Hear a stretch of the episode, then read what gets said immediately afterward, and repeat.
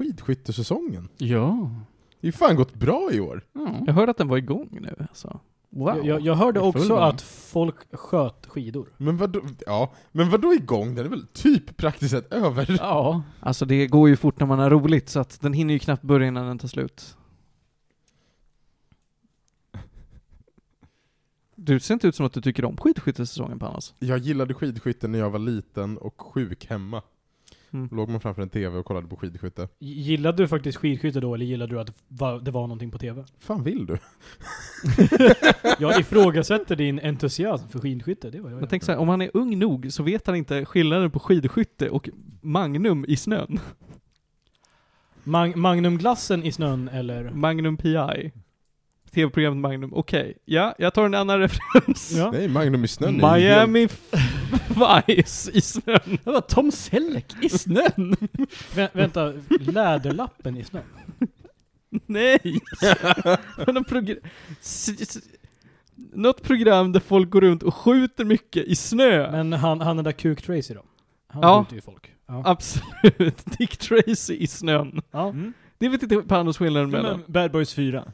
Ja! Där! I, I snön! snön! Bad Boys 4 kanske redan är i snön, det vet jag inte. Det skulle inte förvåna mig. Jag menar, likt Fast and Furious till slut är i rymden så kommer ju Bad Boys till slut vara i snön. Okej, fuck det här, kan vi prata om bowling istället? Gav du upp nu? Du försökte göra ett intro, det sket sig. Så Jujutsu Kaisen alltså. Har det kommit med en film som heter Jujutsu Kaisen Zero? Ja men den har jag sett. Inte jag faktiskt, jag behöver se den. Bowlar en Men då strike? kommer vi inte prata om det. Nej, då ska du se Tenjo Tenge. Där bowlar de. Mycket konstig serie. Ludde, har du koll på, på Jujutsu Kaisen memes? Handlar det om bowling så nej. det är ett anime som verkligen inte handlar om bowling, men vi har liksom... Men han, han kastar kula tror jag i första avsnittet. Ja, det gör han. Det där låter definitivt som en eufemism, men nu gör Är det jag här Han- han varför stö- han- Men han stöter inte kula, han kastar kula. Ja, Ja, Vad är skillnaden mellan att stöta och kasta en kula? Är det bara... tekniken. ja, det är vart du har armen. Det är liksom stöt eller git? Ja. ja Ja. Alltså det det är lite oklart. Han kastar den som en baseball, fast Ja. det borde vara, den borde vara för tung för det, och det är lite hela scenen. Han, Ja. han kanske bara är very strong. Okej, Ja, Ja. jag tror det är lite det de vill förmedla. Mm. Yeet översätts till svenska, och nu måste ni bara hålla med mig för det är det enda rimliga, som hiv. Ja, Att hiva iväg något Ja, ja. hiva, ja. visst. Ja. Ja. Den här... ehm, hiva kula. Hål i väggen. den här nu vill inte jag säga det. Den här, Men hon, vad fan säger du den här, den här honhunden är tom. Eh, häva. Ja. Mm. Tack. Nej, Hiv! hiv! Den här honhunden är tum. Hiv. Alltså alla 13-åringar där ute älskar ju oss just nu så det är, det är bra, du, du, vi har hittat en publik. För i helvete, det är ett Vine-skämt. De fanns inte när det kom. Nähä, okej. Va? Då borde det väl finnas, eh, ja men, compilations på TikTok och YouTube shorts. Och det, det är en, nästan nivån av meta är när TikTok är Vine-kompilationer. Men det är inte det det är?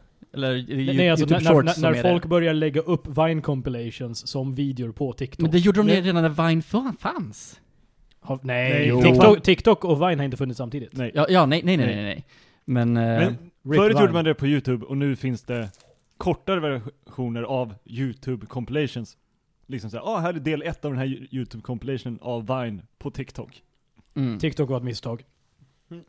Eh, fi- vad, är, vad är tidsgränsen på hur lång en TikTok får vara? Typ fler, alltså nu är den uppe i vad? 5-10 minuter? Men för att behålla viewer count så, så har man delat upp dem i kortare segment ändå. Ja, ofta gör de ju det. Ja. Så att säga, åh nice! Eller det är väl så, att för att registrera en view så måste det ha, man ha tittat en stund. Jag tror det. Mm. Ja. Ja, då är det väl lättare ifall man ser att ett klipp är 30 sekunder istället för 5 minuter. Och Och så så, står det ju inte hur, läng- hur långa de är. nej, men Utan det, du får gissa utifrån timelinen. ja, det finns väl en, en progress bar så på Ja. YouTube. Den är väldigt konstig, ibland finns den, och ibland finns den inte. Ja. Och jag funderar på om den är för ibland kort kan- att den inte finns. Ja. För ibland får du ju spola, och ibland får du inte. Va? Får du? Jag får aldrig spola. Va? Vänta, spola? Alltså, Som du, i, du, Alltså- du kan scrolla framåt i filmen. På TikTok? Ja. Jaha, men om, Jaha, du har, om du har på en sån YouTube. bar? Ja. Ja. På YouTube Okej. får man väl alltid scrolla? Eller, Ja. Nej, inte, inte på shorts. Nej, det, det vet jag, det kan man inte göra. Men, det här var en grej jag upptäckte, därför att eh, du kan ju inte lägga till shorts som, du kan lägga till videos i en liksom spellista sådär. Mm. Men du kan gilla dem, så att de läggs till i din gilla-lista. Därifrån registreras de som en video, och därifrån kan du lägga till dem i eh, spellistor. Wow. Men jag tror men, du också kan gå via historik. Det kan man också göra ja. Mm. Okej, jag- men det ska jag- finnas jag en annan lista än sökfunktionen. Ja, men de kan ju Ja, hamna men, där. Ja, men, det är De det som, kan- men det är det som är grejen. Men hur du lägger till dem Så- där. Exakt. Så, så andra har suttit och bara gå igenom alla de stegen för att kunna Aha. lägga till det. Aha. Så det You're är, doing God's eh, work. det är next level. Någon tyckte det här var en bra idé. Mm, design. Ja, nu ska vi inte gå in på design, för då, då eh, blir jag arg. Blir ChatGPT arg? Ja, ChatGPT blir arg när man ber den att designa något. Henne? Eh, Va? Han sa väl ber, ber den? Vad säger Det du? Den. Ja. Det var det han sa. Du, Ja. jag, jag könar min, min ChatGPT. Jag har sagt åt den att du är en man och du heter Chatty nu. Och den säger okej, jag är nu en man och jag kallas för Chatty.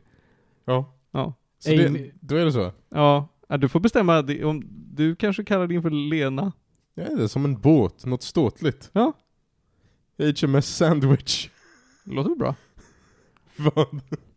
Medan ni andra håller på att döpa om era ChatGPT till något opassande så tar vi och drar igång introt.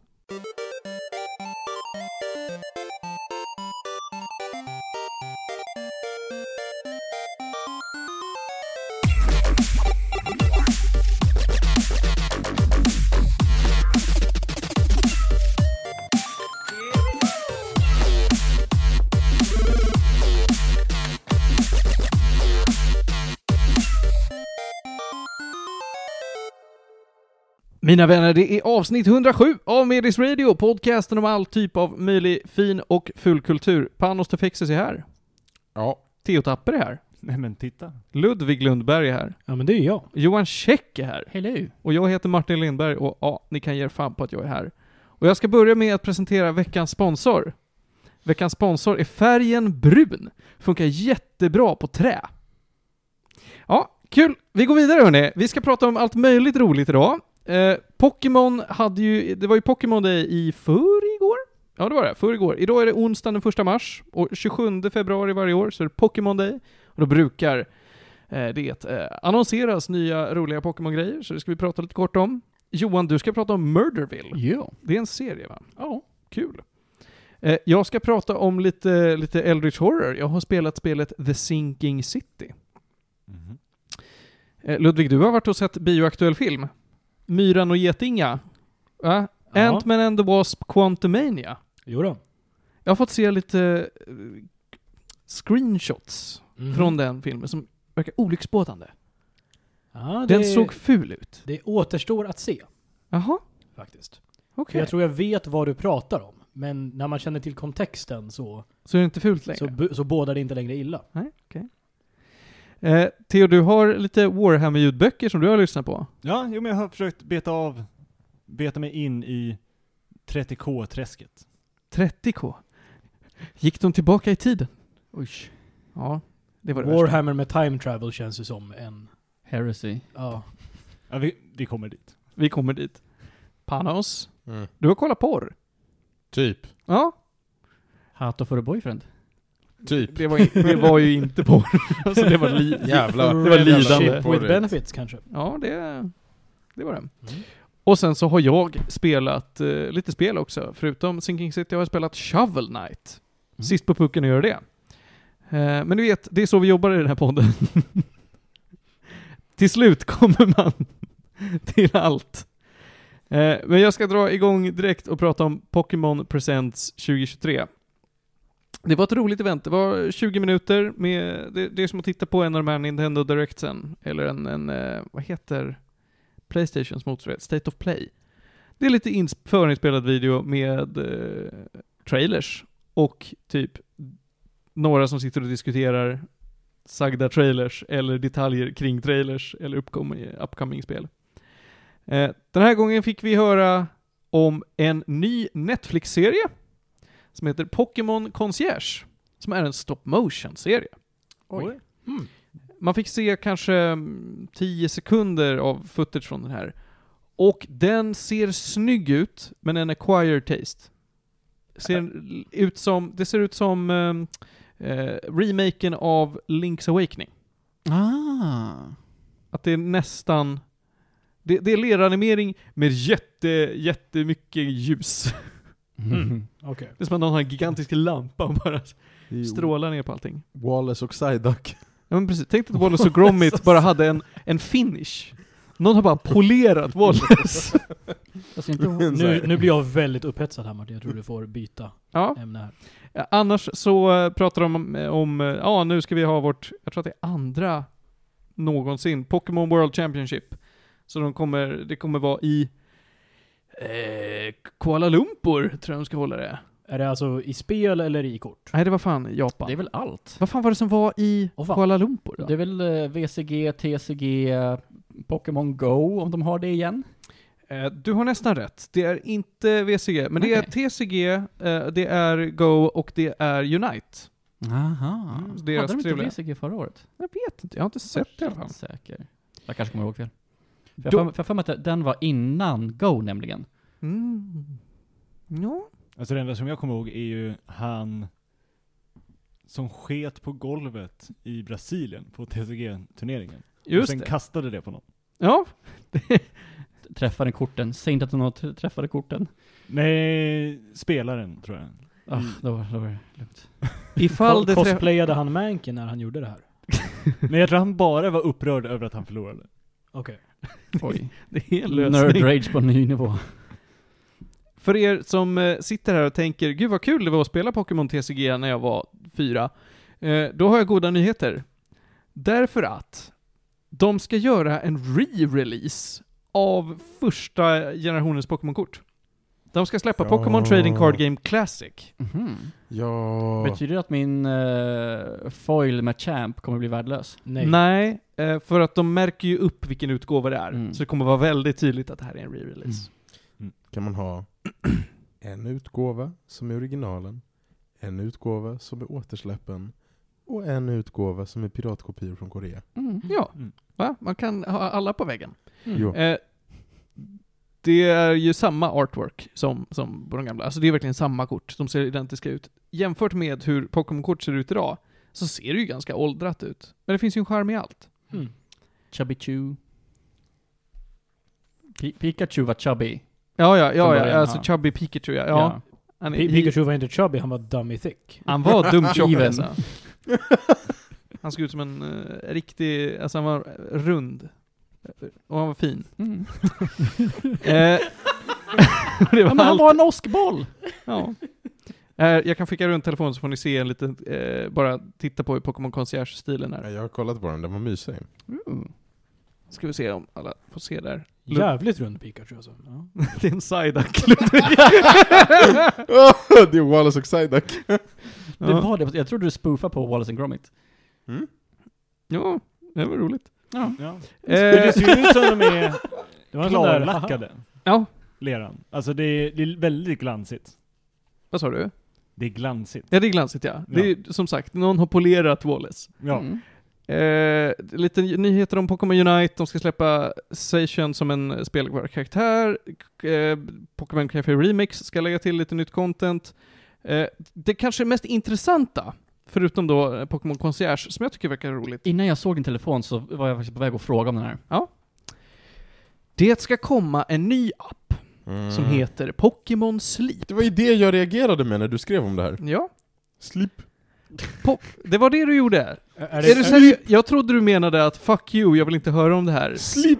är, är det, Det någon liksom Tamagotchi-aktig grej? Ja! Abs- Det Nej. är en blandning mellan en sleep tracker och en, en form av, det är inte en tamagotchi, men det är fortfarande så att basera...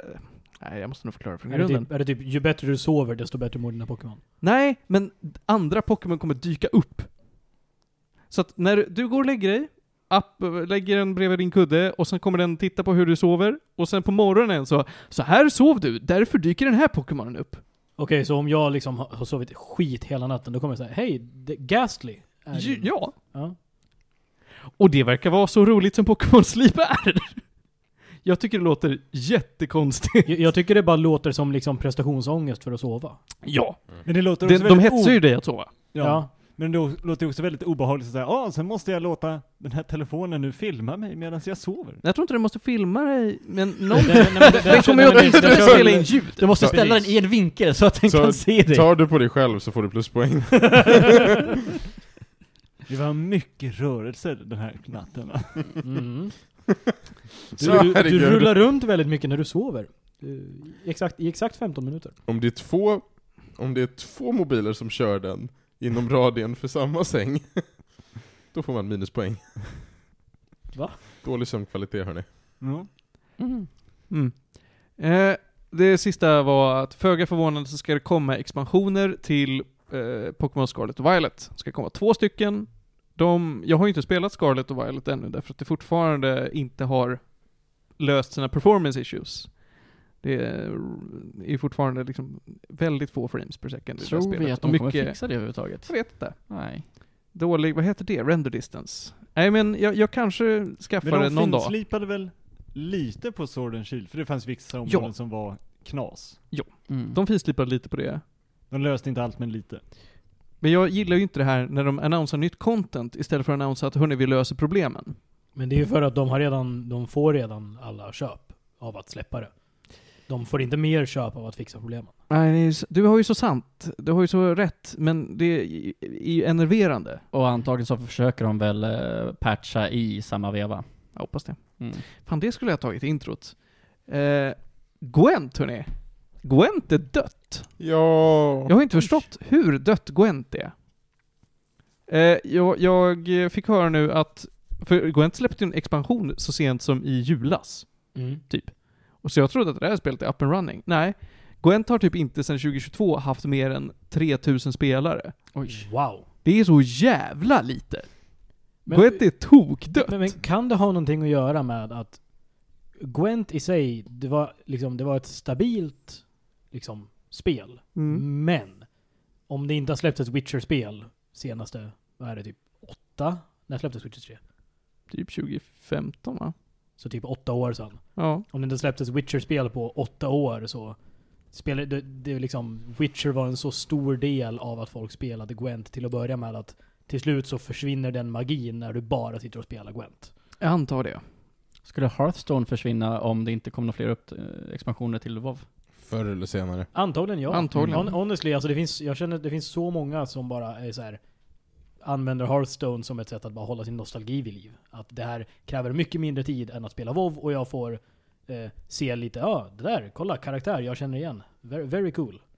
Eh, och så får jag höra Uther säga You require my assistance några gånger och det är liksom tillräckligt, det är allt man behöver.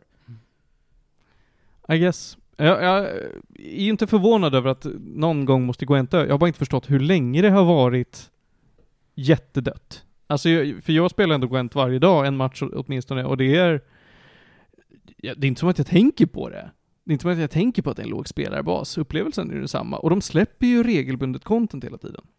Så att, men nu sa de det i förra veckan tror jag, att ja, nu ska vi sätta det i maintenance mode, det blir inget mer. See ya. Hit. För tydligen så har de inte tjänat mycket pengar på det där. Hiv. De har ju haft en jättesnäll, alltså det, det, det som har gjort att jag gillat det har ju varit att alla expansioner har ju varit gratis. Mm. Utom den här senaste då, Rogue Mage, och den grejen som släpptes samtidigt, det vill säga det här single player standalone-spelet Thronebreaker. Eh, bara, kanske dum fråga. Hur, vad har de för typ av liksom tjäna pengar-modell i Gwent? Du kan köpa in-game currency, du kan köpa packs. Okej, Inga skins? Jo, du kan köpa skins. Mm. right. Det finns ganska mycket Så, så, det är Hearth, cosmetics. så det är Hearthstone fast expansionen är gratis? Ja, så är det. Och sen så är det lite lättare, skulle jag nog ändå säga, att tjäna in-game currency för att Right. fixa packs. Mm. De har en lite annan modell för det där. Mm. Ehm, och den är väldigt fair. Men det känns ju också rimligt, för du tjänar ju bara pengar på liksom bara car packs, buying och liksom in-game currency om spelarbasen är tillräckligt stor.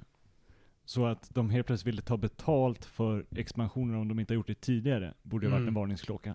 Absolut. Det, det är det många som reagerat på, att den här sista grejen nu, som förvisso också var en standalone expansion, precis som Thronebreaker, eh, att den kostade. Det tyckte folk var lite konstigt. Jag trodde ju att det skulle komma en sån här standalone single player-grej för varje faktion. Det har vi nog pratat om i Medis Radio i typ avsnitt tre. För då pratade vi om att ja, men först kommer Thronebreaker för, för den här faktionen och sen kommer nästa skulle vara för monster. Så då hände det bara aldrig.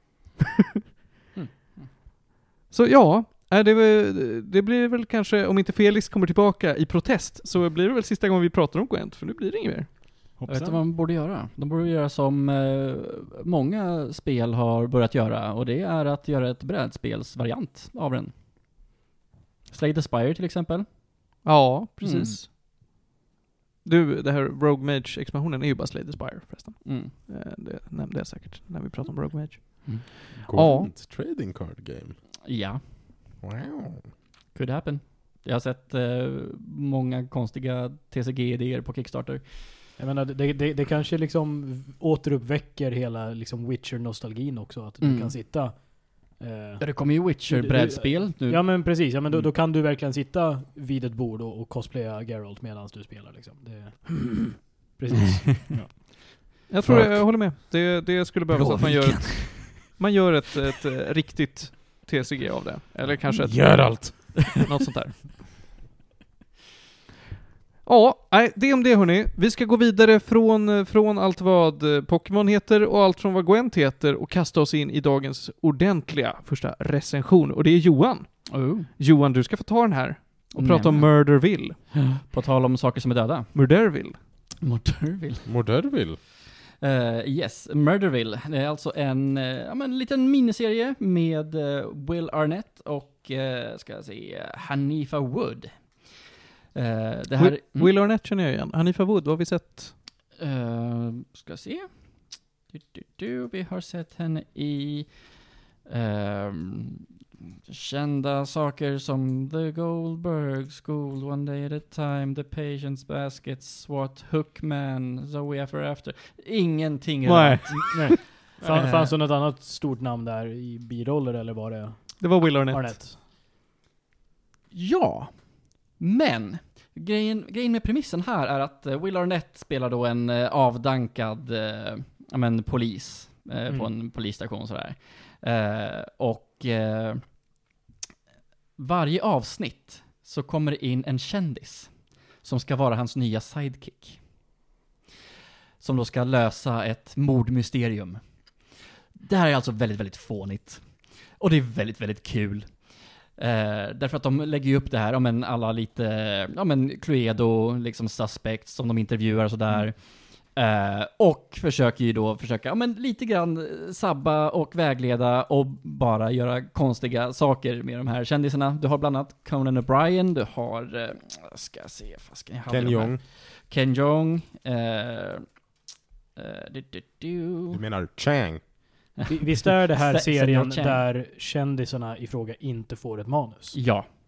De kommer in helt ovetande Mm. och eh, ska bara eh, improvisera. Va, vad är det för format på det här? Alltså, jag antar att det inte är en spelfilmsformat på den här serien, utan då måste det ju vara lite alla är med på att det här är ett tv-program. Oh ja, oh ja, alla är med på det förutom kändisen. Ja, okej. Eh, så att, eh, ja men du har ju eh, liksom, eh, först har du introt där de liksom lär känna varandra, sen så går de och eh, tittar på men offret, ser vad som, ja men hur har de dött, vilka kände de?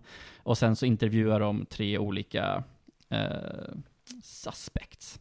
Eh, och därefter ska då kändisarna gissa sig till, ja men vem var det som eh, mördade Mhm. eh, den här individen. Och då kan man alltså då sitta och vara med och eh, försöka eh, snappa upp på de olika ledtrådarna som de eh, lämnar ut.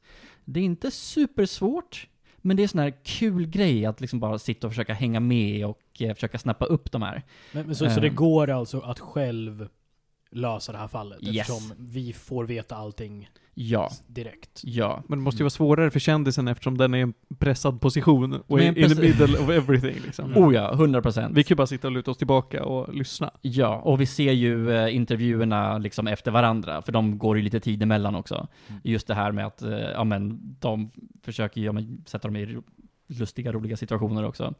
Eh, ofta så sätter de in en snäcka i örat på dem och så säger Will Arnett åt ja, men, den här kändisen vad de ska säga och göra.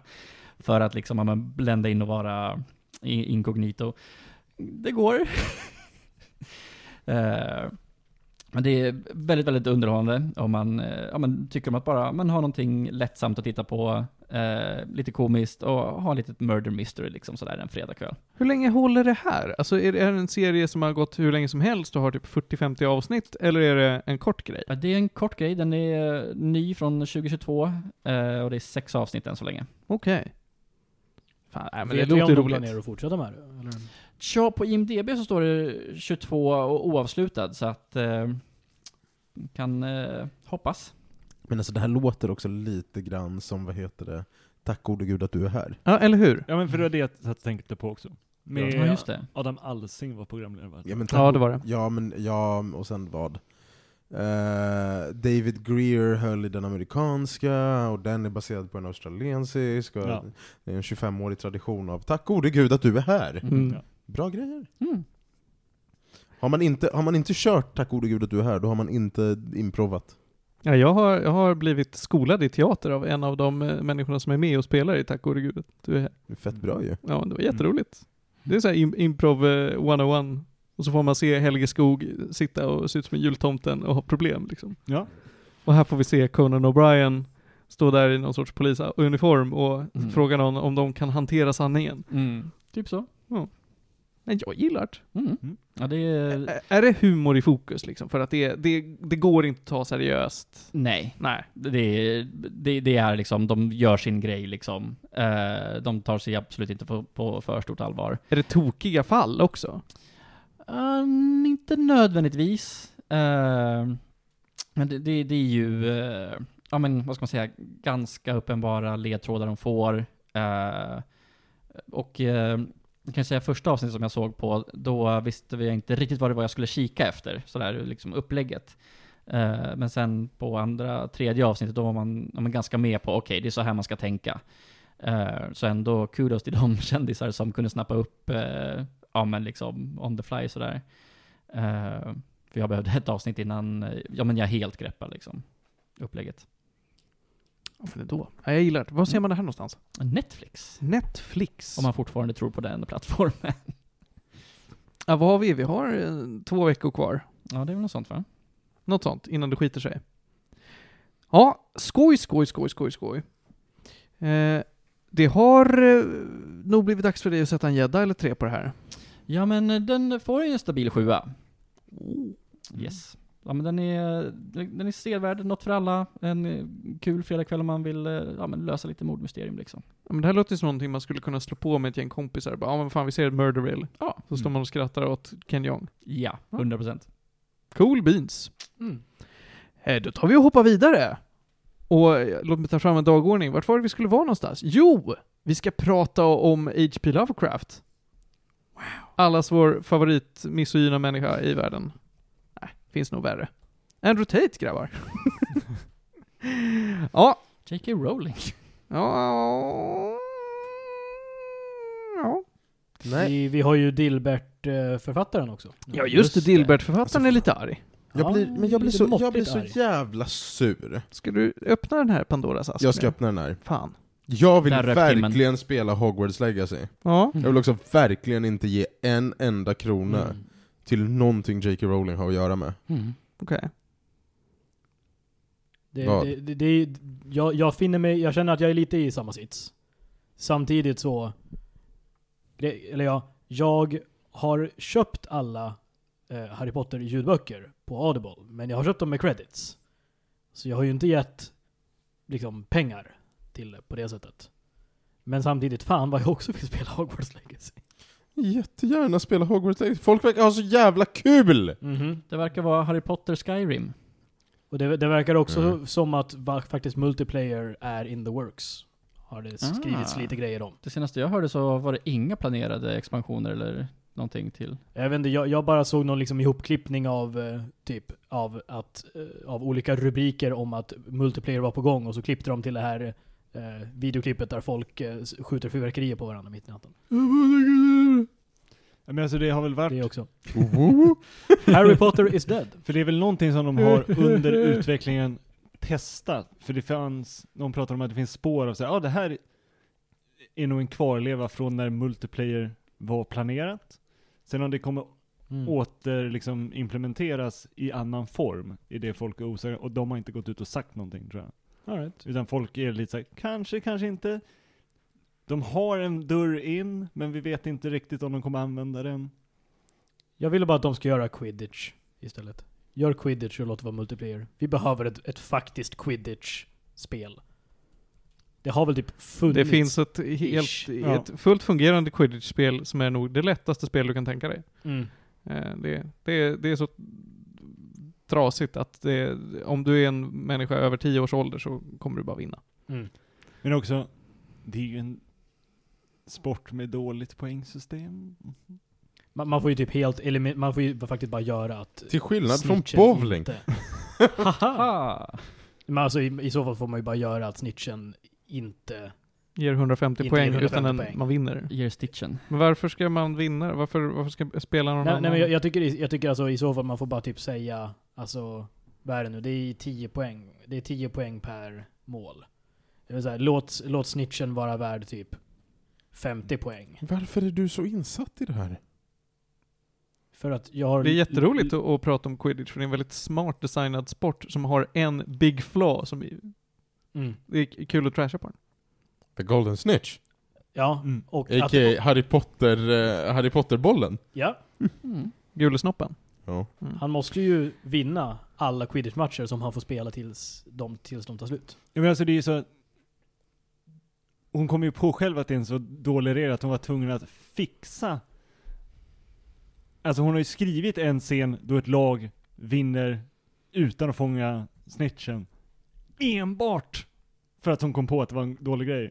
Och då påpekar även, tror jag, karaktärerna i boken att säga, oj det är ju ovanligt. Mm. Ja, Men det är väl i början på eh, bok fyra, den Ja. flammande bägaren, när eh, Fred och George bettar att, eh, vad är det, Krum tar... Eh, Nej, för där Snitchen. fångas, ju, där fångas ju gyllene snitch, snitchen, men laget som fångar den vinner inte. exakt, ja, alltså det är det jag säger. Bulgarien förlorar jag- jag- trots att deras fann- Ja, det är det jag säger. Crumb tar eh, Golden Snitch. Ja, men- Och jag- Irland jag- vinner i alla fall. Ja. Ja. Jo, men jag tolkade det du sa Theo som att ett, en match tog slut utan att någon fångade. Nej. Ja, det var nog faktiskt vad du sa. Ja, det Ah, kanske Utan att det vinnande laget Ja, det var nog det jag kanske hoppade jag, på. jag, jag autokorrektar ändå, det är lugnt. Ja. Tänk hörni, om vi skulle ta och hoppa tillbaka till något helt annat. Nej, Tänk jag tycker om off, off track. Ja, men jag vill inte uttala mig om det här. Jag var på eh, Red Bull-invigningen av Harry Potter på Inferno. Jaha, vad Jag- trevligt. Jag tänker mig att ett quidditch-spel skulle spelas ungefär som det där vattenspelet i Final Fantasy 10. Åh, vet du vad? Eh, Det är nästan lika smart slash dumt uttänkt spel, så att jag är på. Mm. Jag är väldigt på. Tänk om jag skulle få prata lite H.P. Lovecraft. Vad glad jag skulle bli. Kör hårt. Tack. Hörrni ni, Ja, just det, det var där. Harry Potter Lovecraft, är det det det står för? det var då fan. Hur fan får du tillbaka för bowling? Ja, ja, Förlåt Martin, Han förlåt. säger Ria Lotha, men han menar egentligen... Prosit. Ja. Exakt! Hörni ni, The Sinking City är ett third person detective game utvecklat av Frogware Games. Eh, är det någon av er som kommer ihåg Frogwares överhuvudtaget? Va? Vad har de gjort? Ja.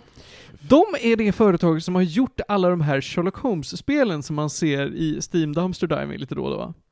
Det finns vissa av typ, dem är ju riktigt bra. Är vissa den- är tydligen riktigt bra skrivna. Är det den där Watson eh, teleporterar bakom? Ja! Ja! Det är de spelen. Mm. Där Watson inte har en walking animation så han bara teleporterar sig bakom det hela tiden. Det är vad Frogwares är mest kända för. Det är ett ukrainsk studio. Så de mår nog inte så bra just nu. Åh nej! Åh Too nej! soon! För mig är ju Frogwares inte kända för Sherlock Holmes-spelen, utan för att de har gjort den fantastiskt eh, förskräckliga Portal-klonen Magrunner Dark Pulse, som jag recenserat i din dyrbara tid. Förfärligt. Eh, och det är, det är alltså, det är Portal, men det har magnetism istället som en gimmick och försöker att låtsas att det inte är Portal. The Sinking City kom ut 2019 till, till eh, alla handa konsoler. Eh, och har haft enorma problem med att de eh, har publicerat sig av ett företag som har snuvat dem lite på konfekt. Så att om man köper det här till Switch så har man annan, annat content än om man köper det till PC. Det finns mer, mest content av allt på Switch. What? What? Så att det, det bästa sättet att spela det här spelet på är på Switch. Nintendo vinner igen. Det är jättekonstigt. Det är ju men det är för att de första har gången problem. någon har sagt den meningen. Ja, Ja, det, det, det är för att de har haft problem med sin publicerare. Eh, med det sagt så tycker jag inte att man behöver spela The Sinking City. Det här spelet utspelar sig på 1920-talet i eh, den fiktiva staden Oakmont i Massachusetts. Du spelar som Charles Reed, som är en, en privatdetektiv som har massa mardrömmar. Och han eh, tycker att, men vet du vad? Eh, jag fixar inte riktigt det här. Jag behöver kolla upp ifall det är andra som har likadana mardrömmar. Och det finns det. Och det verkar ha någonting med den här stan att göra. Så man åker till Oakmont och säger okej, jag har en kontakt här som ska försöka hjälpa mig. Du träffar den här kontakten, han säger vet du vad? Gå runt här i stan så förstår du varför det är knas. Och man säger okej, och så går han. Du tar tar två steg och sen inser du varför det är knas i den här stan. Och där börjar du. Hela spelet utspelar sig i Oakmont. Det är ett third person game, du springer runt i eh, hus och lootar skit. Du eh, pratar med, eh, alltså du, du löser olika mysterier genom att leta efter ledtrådar, prata med vittnen. Det är liksom Sherlock Holmes, bara att någon har smält på H.P. Lovecraft på det. Och lite Legend of Zelda 2. Att du springer runt och lootar hus också. Ja, det gör du fan i de flesta Zelda i och för sig, men ja.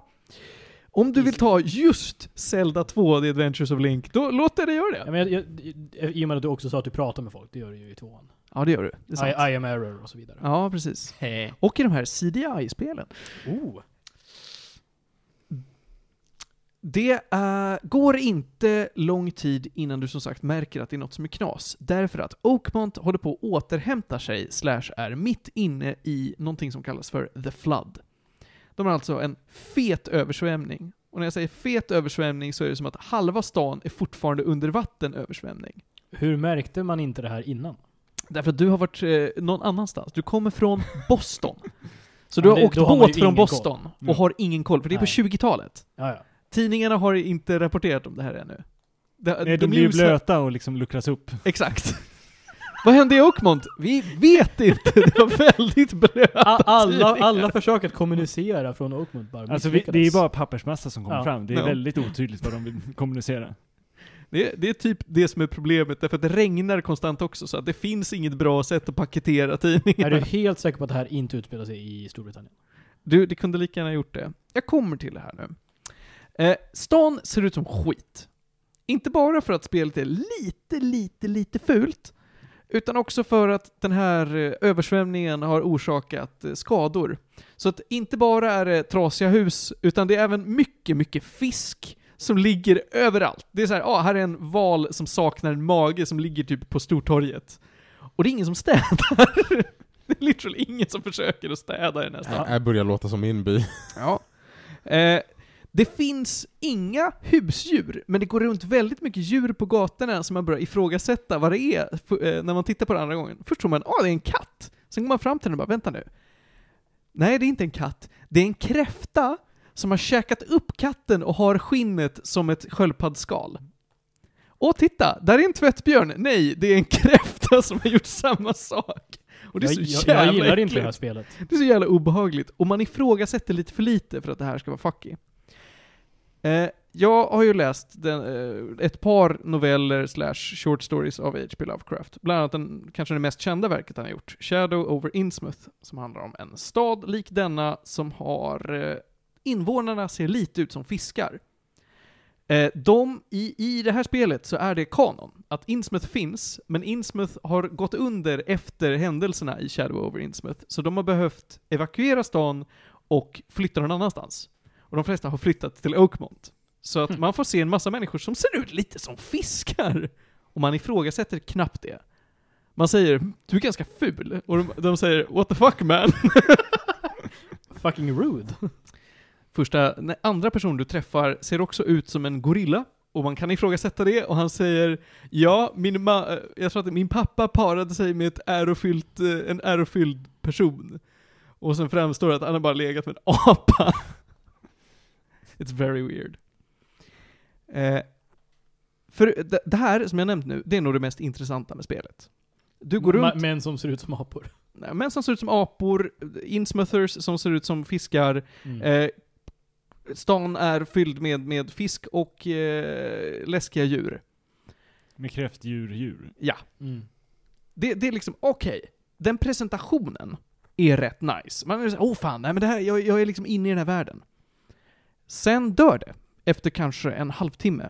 Därför att det du gör i spelet är det exakt samma sak. Och spelet är jättelångt. Det det är ett 21 timmar långt spel. Det är skitlångt. För, för det här kan jag också, som har spelat en del av deras Sherlock Holmes-spel, de är rätt korta. De är kanske en, en 6-8 timmar långa. Ja, och ofta så är det så här, den är uppdelad i kapitel, så det är väldigt så här, det är lite som att läsa en bok, eller att säga, ja men jag spelade del ett, det tog tre timmar, nu är jag färdig. Jag kan spela del två, och ofta är det så här fem delar eller någonting. Och sista knyter ihop säcken. Och här bara har de kört på. Så att det finns missions och varje mission är ett fall och då är det så ja men mysteriet med den försvunna eh, tidningsbudet. Och sen så visar det sig att, ja ah, shit, han, eh, jag går Han till... blev en fisk. Han blev en fisk, eller han blev mördad av en fisk, eller han var en del av en kartell, eller han har flytt med sin eh, älskarinna, whatever. Det blir alltid så att du, stan är ganska stor, du går mycket till fots, men också eftersom att stan fortfarande är översvämmad så åker du mycket båt. Båtåkandet tror man ska bli en grej. Men det är verkligen bara, nej, du måste gå och hitta en båt, sätta dig i båten och åka till punkt B, och sen gå ur båten och gå resten av vägen. Det händer aldrig någonting i båten. Du kan Men- inte men, göra men du någonting åker annat i båt, båten. det är inte en loading screen. Nej, du åker runt i båten. Och du kan inte simma, för det finns ålar som äter på dig i vattnet. Så du måste åka båt. Men båten tillför ingenting. Men, så det är lite open worldigt. Ja, det är jätte-open worldigt. Och i ett sånt här spel är det ett problem, Theo. Mm. För att stan är för stor för att det ska finnas så lite att göra. För du studsar ju bara från punkt A till B, till A till B, till A till C, till A. Ja. Och det är mycket så här, ah, shit jag missade kanske någon ledtråd här, jag vill gå tillbaka. Då var det rätt skönt att, som Sherlock Holmes, gå till en droska och sen så var en loading screen sen- senare, jag är på andra sidan London nu, fan vad härligt. Du kan fast travela, men det finns ganska få fast travel points och platserna du ska till är ändå så att jag måste gå fram och tillbaka så mycket. Att det inte spelar någon roll i det stora hela. Du går alltid. När du inte fast travelar så går du. När du har kommit till platsen som du ska undersöka så tar det kanske två minuter att undersöka hela platsen. Sen går du igen. Det finns lite andra element i det här. Två andra saker du får göra. Nej, tre. Vi tar, vi tar de tre, för det går fort. Det första du kan göra är att du från Sherlock Holmes-spelen har ditt egna Mind Palace. Där du kan ta och samla ihop eh, ledtrådar och fundera på hur de hänger ihop. Mm. Du har också någon form av eh, tidsreservision så att du kan se, ja men jag har den här ledtråden, jag kan se vad som hände med den. Så ser man någon blurry eh, illusion av, ja men det här var konversationen de hade. Och du kan, eh, det finns combat. Eh, och det är också någonting som jag stör mig på, för combaten är jättesamey. Du har ett gäng vapen, det dyker upp monster som är typ, det finns fem olika monster, de förändras inte under spelets gång. You shoot at it until it dies, och så är det bra med det. Eh, ingen annan i staden, det finns väldigt mycket folk som är ute och går på gatorna, bryr sig om att du håller på att meja ner Eldritch Horror-monster fem meter ifrån dem. De springer inte från, mob, från mobsen eller någonting. De alltså. springer ibland ifrån mobsen, men sen är de tillbaka till att bara gå från punkt A till punkt B. Eh, det är också, de här mobsen är i godtyckligt hus. Alltså du kan gå in i en lägenhet och bara ah, här är det monster och utanför sitter folk och bara är det någon som köper en tidning? Det funkar inte. Mm. Så allt gameplay är detsamma. Den sista featuren är att du kan åka ner under vattnet i en dykardräkt och typ utforska vad som händer där. Det är också bara att du går. Mm. 21 timmar av det här behövdes inte. En timme var allt som behövdes för att jag skulle få ut någonting av det här spelet. Och det är folk på nätet ganska överens om. Å andra sidan har det här spelet fått jättepolariserade recensioner. Vissa säger det här är den sämsta skiten i världen, det är jättelångtråkigt, det är fult, mekanik mekaniken är clunky. Andra säger Oh, vad spännande! Jag ser fram emot att spela med! Folk som gör en recension efter en timme och säger att 10 av 10, jag älskar settingen. Borde inte få recensera spel. För du ska bedöma en helhet, och helheten suger. När du är klar efter en timme med det som är kul, och har de här 20 timmarna till av tråk, då är ju inte produkten bra. Framförallt inte värd pengarna. Det finns en DLC till den här, eh, som heter The... the... Så du kan göra det ännu lite längre? Ja, absolut. Och den köpte jag ju för att den kombon i Steam var jättebillig. Jag tror att jag betalade 40 spänn för det här spelet eller någonting. Med DLC included. Och jag var åh, fan vad nice! Och det var Kul. ändå inte värt pengarna. Därför att den här DLCn är ju bara tre timmar till av helt vanliga quest. Det finns ingen story som hänger ihop. Det finns ingen, ingenting som tillför någonting. Det är bara fler sidequests. Och det är allt. Varav en av dem är ett fetch quest där du ska gå till sju ställen, hitta böcker. Det finns ingen dialog, ingenting. Du ska bara gå till de här ställena, plocka upp böckerna och läsa. Spännande. När du har plockat upp boken så är det slut. Okej. Har du spelat något av Sherlock Holmes-spelen? Nej. Eh, Borde jag göra det istället? Ja. Jag försökte komma på, för jag har inte spelat alla. Men jag tror att det är Crimes and Punishments, kan det heta? Som Det är... är ju en Dostojevskij-bok. Ja, men... Jag tror att lite av fallen är inspirerade av grejer från boken. Jag kommer inte ihåg. Det var länge sedan. Den, eller så är det...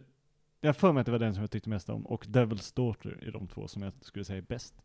De är inte de nyaste, men av de... Den, de har gjort en till som jag såg skulle vara open world, som jag hoppade. Men jag tror att de är på den uppdaterade motorn. Okej. Eller vad de gjorde. Ja. Och de är liksom typ såhär fem, sex kapitel, ett huvudquest, puzzle game, story, prata, mind palace. Och jag skulle vilja se, för det skulle vara intressant att ha en återkoppling då du har spelat det och så jämför du med vad har de lärt sig och vad har de glömt bort att de redan har lärt sig för de har gjort så här 18 stycken Sherlock Holmes-spel eller någonting. Det kan jag nog gå med på, ifall de är kortare liksom. Ja, men jag tror att de är kanske åtta timmar. Och du behöver nog inte ens spela klart utan du behöver spela x antal kapitel, så här två, tre stycken, för att få liksom förståelse för konceptet. Ja. Eh, vi kanske återkommer till det. Jag är besviken på The Sinking City. B Inte bara för att spelet är tråkigt, utan för att storyn gör ingenting, karaktärerna kommer och går. Det är verkligen villain of the quest. Eh, du spenderar spelet med att gå. Det, är, det enda det har är presentationen, och presentationen blir gammal snabbt. Jag satt och började med att säga, men det här kommer nog vara en sjua. Sen gick det ner till en sexa. Sen gick det ner till en femma. Och nu sitter jag och funderar på om det är en femma eller en fyra gäddor som Sinking City kommer få. Så jag säger fyra och en halv. Man behöver absolut inte spela det här. Läs en H.P. Lovecraft-bok. Det kommer göra dig roligare. Jag är gladare med det. Men, vi ska inte sluta på en så låg note. Va? Vi kan ju inte ha ett sånt här segment som bara är en massa gnäll och tråk. Så nu ska vi ha roligt istället. Mhm. Är ni med? Mm. Johan, Hej. du ska få tävla! Nämen! Jo visst, nu är det tävling hörni! Du får jobba för den Ja. gingen. Okej. Ja, de får jättegärna göra en tävlingsjingel till oss. Johan, Ja. du ska få leka leken H.P. Lovecraft eller Infected Mushroom. Jag kommer alltså Oh. säga någonting till dig Mm. som antingen är titeln på en H.P. Lovecraft-bok Ja. eller en titel på en låt av Infected Mushroom. Åh, jag har inte lyssnat så mycket på Infected Mushroom. Och det är poängen. Ja, Svampen? Du ska Eller inte bläckfisken? veta så mycket. han är faktiskt kraken. Är du med Johan? Yes. Okej. H.P. Lovecraft eller Infected Mushroom? Mm. A Cookie from Space. Oh. Mm. Mm. Jag har för mig, jag kan vara helt åt helsike, men jag har för mig att jag har hört den i H.P. Lovecraft eh, sammanhang. Så jag kör på det. Det är fel, det är en låt Ja, av det Infected Mushroom. Theo, håller du ställningen? Ja. Mm. 1-0. 1-0 till spelet. Vi fortsätter. Mm. The Color Out of Space. Ja, men det är H.P. Lovecraft. Ja, det är det. Mm. Bra, nu är du med. Yes. Nu har vi värmt upp. Ja. Du har en poäng. Yes. At the Mountains of Madness. Nej. Det känner jag inte igen som en Lovecraft-grej. Men för den saken skulle jag inte nödvändigtvis att det inte är en Lovecraft-grej. Men vi säger Infected Mushroom. Nej, det är fel. Det är en H.P. Lovecraft short story. är det. Ja, det är fortfarande bara en poäng. Mm. Det är bara en Två-ett. poäng. Jag tror att jag spelat för mycket Mansions of Madness som Ah. jag... Eller Maniac Mansion. Nej. Eh, Okej, är du med? Här kommer nästa då. Ja. Annie med cheval. Sa du Annie Lööf? Fiskar efter rödingar. Annie med cheval. Är det H.P. Lovecraft eller Infected Mushroom? Infected mushroom. Ja, det är det. Det är en Ja. låt av Infected Mushroom. Mm. Det är snyggt. Två poäng. Mm. Demons of Pain. Alltså grejen är, det låter ju som en låttitel. Mm. Mm.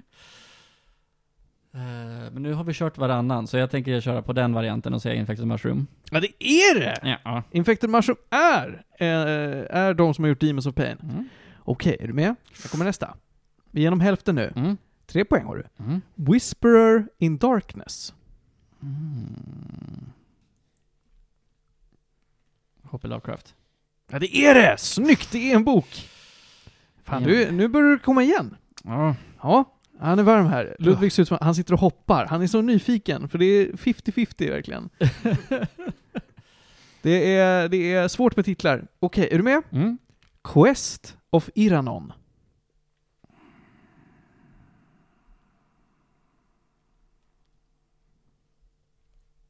Känner inte igen det namnet som en Lovecraft-grej heller, så vi kör Infected Mushroom. Nej, det var ju en bok! Attans, attans, attans. Ja, ja, men du, bör, du har fortfarande tid att komma ikapp. Mm. Mm. Beyond the Wall of Sleep.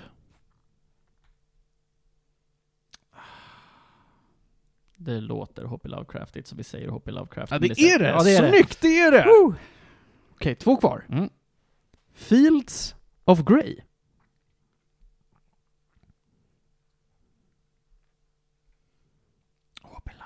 Nej, Nej.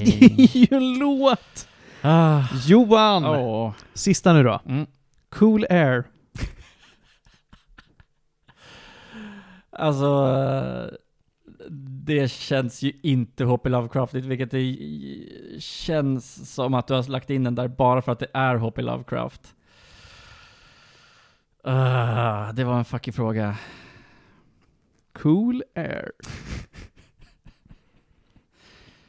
Är det the, the double... Hmm.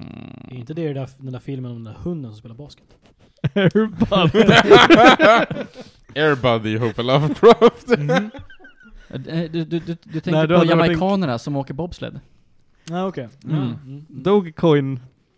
Cool runnings. Cool Ja, Runnings. Cool Runnings. Ja. Dogecoin! ja, men det, Do- Do- Dogecoin sponsrade ju, vad, var- var det, var det inte jamaicanska boblandslaget så att de kunde vara med i, i vinter-OS?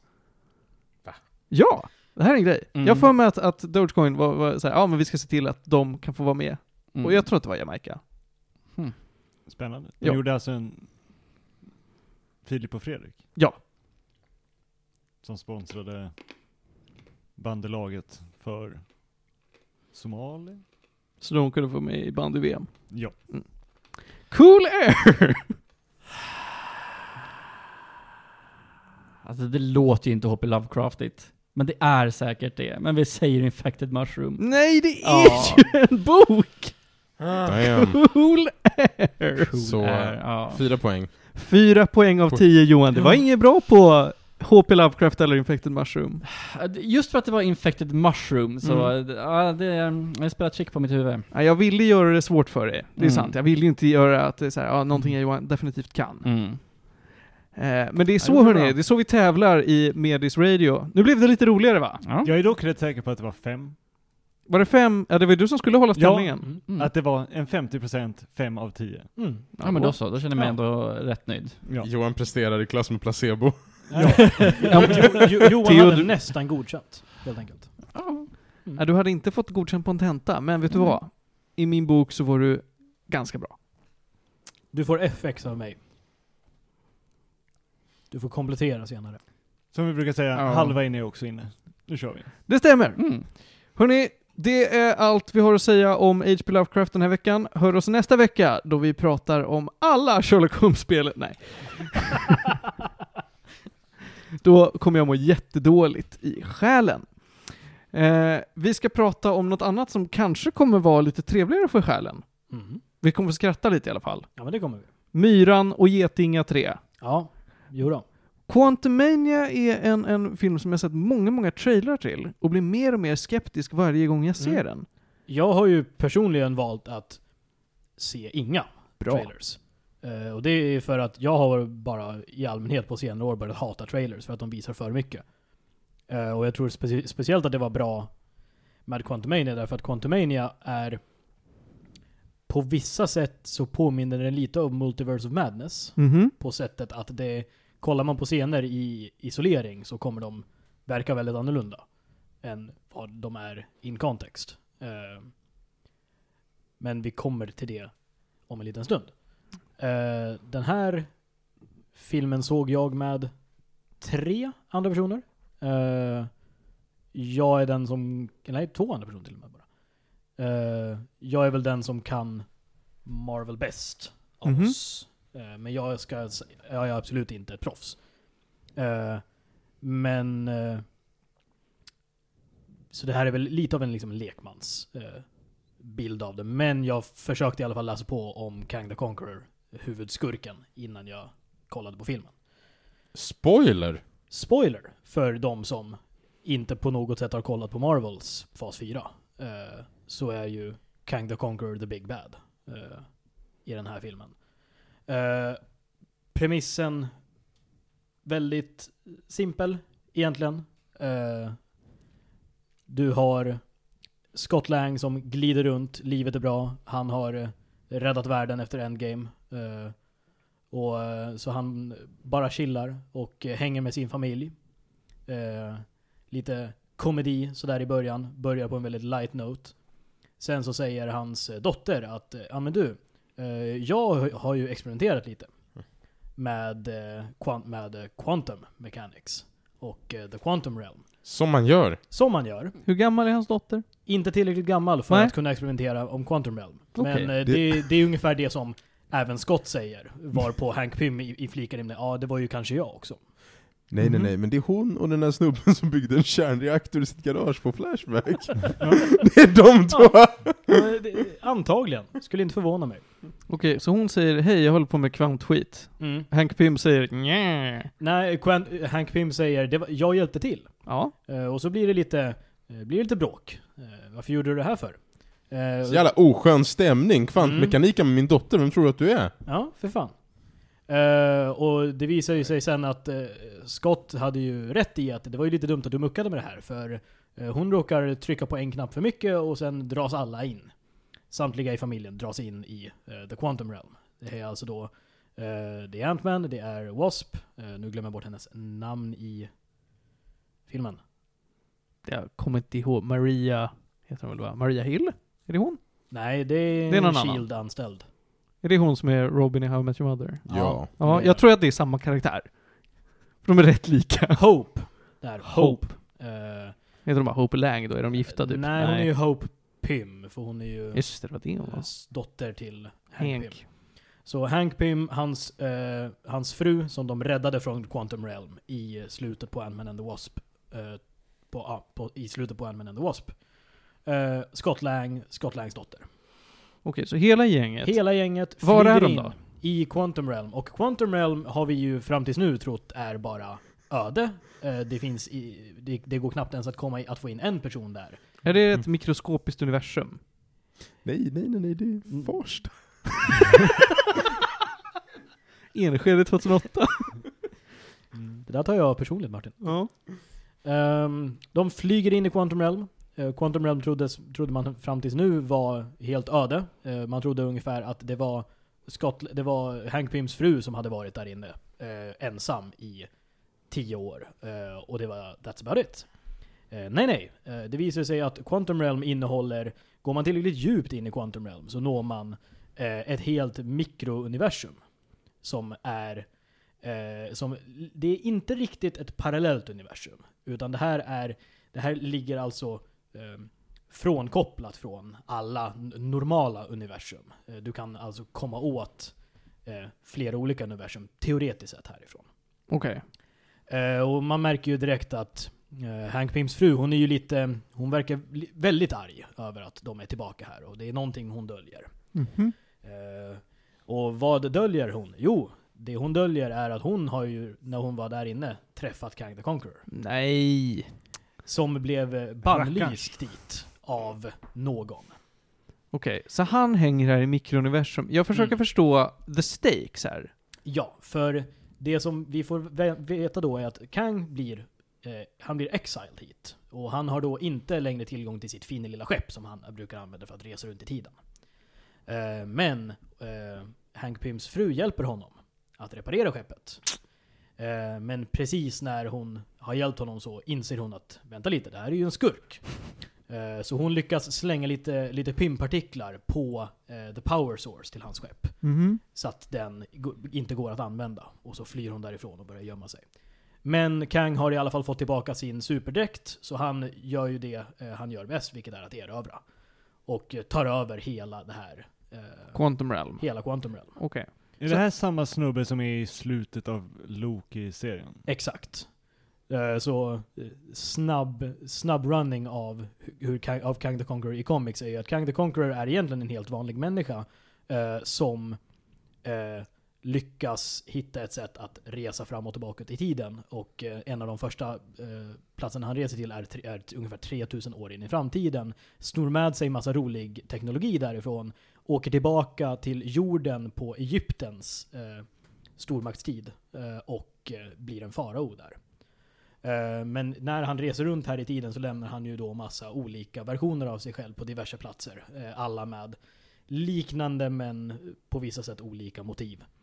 Och det är det här som gör honom så farlig. Det är inte att det finns en eh, väldigt kraftfull eh, skurk som till exempel Thanos. Det är att det finns ungefär en miljard olika Kang the Conquerors utspridda över tidslinjer och universum. Eh, så det är ju, the stakes här då är ju att han vill ha sin lilla power source så han kan ta sig ut ur sitt fängelse. Eh, och eh, alla de goda ska ju stoppa honom från att hitta den här. Okej. Så, att, så att problemet är inte vad som händer i The Quantum Realm, det problemet är att hålla kvar Kang the Conqueror i The Quantum Realm, för Mm. annars så kommer han komma ut i den stora världen och leva rövare. Precis. Eh, det här är så att säga, i och med att hans skepp fortfarande inte fungerar så är ju han fast. Det finns ingen teknologi han kan, han kan på, något sätt uppfinna som kan ta sig ut ur Quantum Realm. Det är Mm. bara hans skepp som kan göra det. Okej. Eh, och handlingen skulle kunna ha varit ganska kaotisk i och med att det är fortfarande Quantum Realm. Men de, de, jag tycker de lyckas hålla det här väldigt tydligt. I alla fall till en början. Framåt slutet är det lite svårt att hänga med, men det är mest för att det är svårt att bedöma skalan på Quantum Realm. Eh, å ena sidan verkar den vara väldigt stor och å andra sidan verkar den vara väldigt liten. Eh, ibland kan man tycka att transportsträckor är väldigt olika längd beroende på vem det är som åker sträckan. Men än en gång, det är i Quantum Realm, så det kan ju bara vara att det här är ett rymdskepp som kan göra något speciellt och då går det snabbare. Lite svårt att säga. Um, men de får ju såklart lite, lite hjälp på vägen. De hittar några eh, liksom flyktingar från Kang the Conquerors eh, liksom korståg så att säga. Eh, som hjälper dem lite på vägen. Och så, som alltid, det är Marvel, det måste sluta med en, en stor fight i slutet, helt enkelt. Eh, där de ska försöka vinna mot Kang the Conqueror. Eh, det som du nämnde med eh, potentiellt problematiska klipp från trailern gissar jag på att det har någonting att göra med en viss tidigare skurk från Ant-Man. Det kan det ha att göra med. Kan det stämma? Alltså jag har sett klipp som är så fula att det ser ut som att de kommer från Sharkboy och Lava Girl. Mhm. Ouch. Kan det Mm, vara... Att det är alltså George, eh, George Lopez. För, sku- för det finns ju nämligen en, en av skurkarnas lakejer här. Är ju Modok. Ja, det är Mm. Murdoch jag tänker på.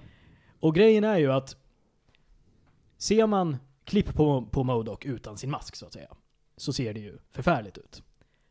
Men det här är de fullt medvetna om att det gör. För det är inte tänkt att man ska ta honom seriöst på något sätt. Han Okej. är patetisk på alla sätt och det är både karaktärerna eh, och filmskaparna medvetna om. Okej, okej. Eh, ha- han är liksom... Eh, det, det är nästan så att det är pause for laughter varje gång han eh, tar av sig sin mask. Mm.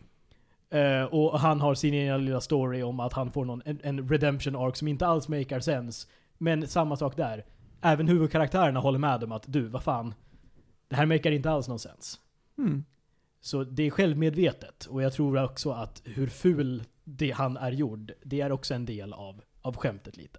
Okej. Eh, det är ungefär när du krympte mig till, eh, till en liten boll i ettan så blev jag räddad av Kang the Conqueror men han lyckades inte återställa mina proportioner så alla kroppsdelar krympte snabbare än mitt huvud. Därför är jag ett stort huvud med små armar och små ben. Mm. Som sagt. Ja, det är Modok. Det är... Ja, det är Modok. Andros. Ja, Andros är roligt. Tack. Och- Eller då George Lopez i Sharkboy Love a Girl. Mm.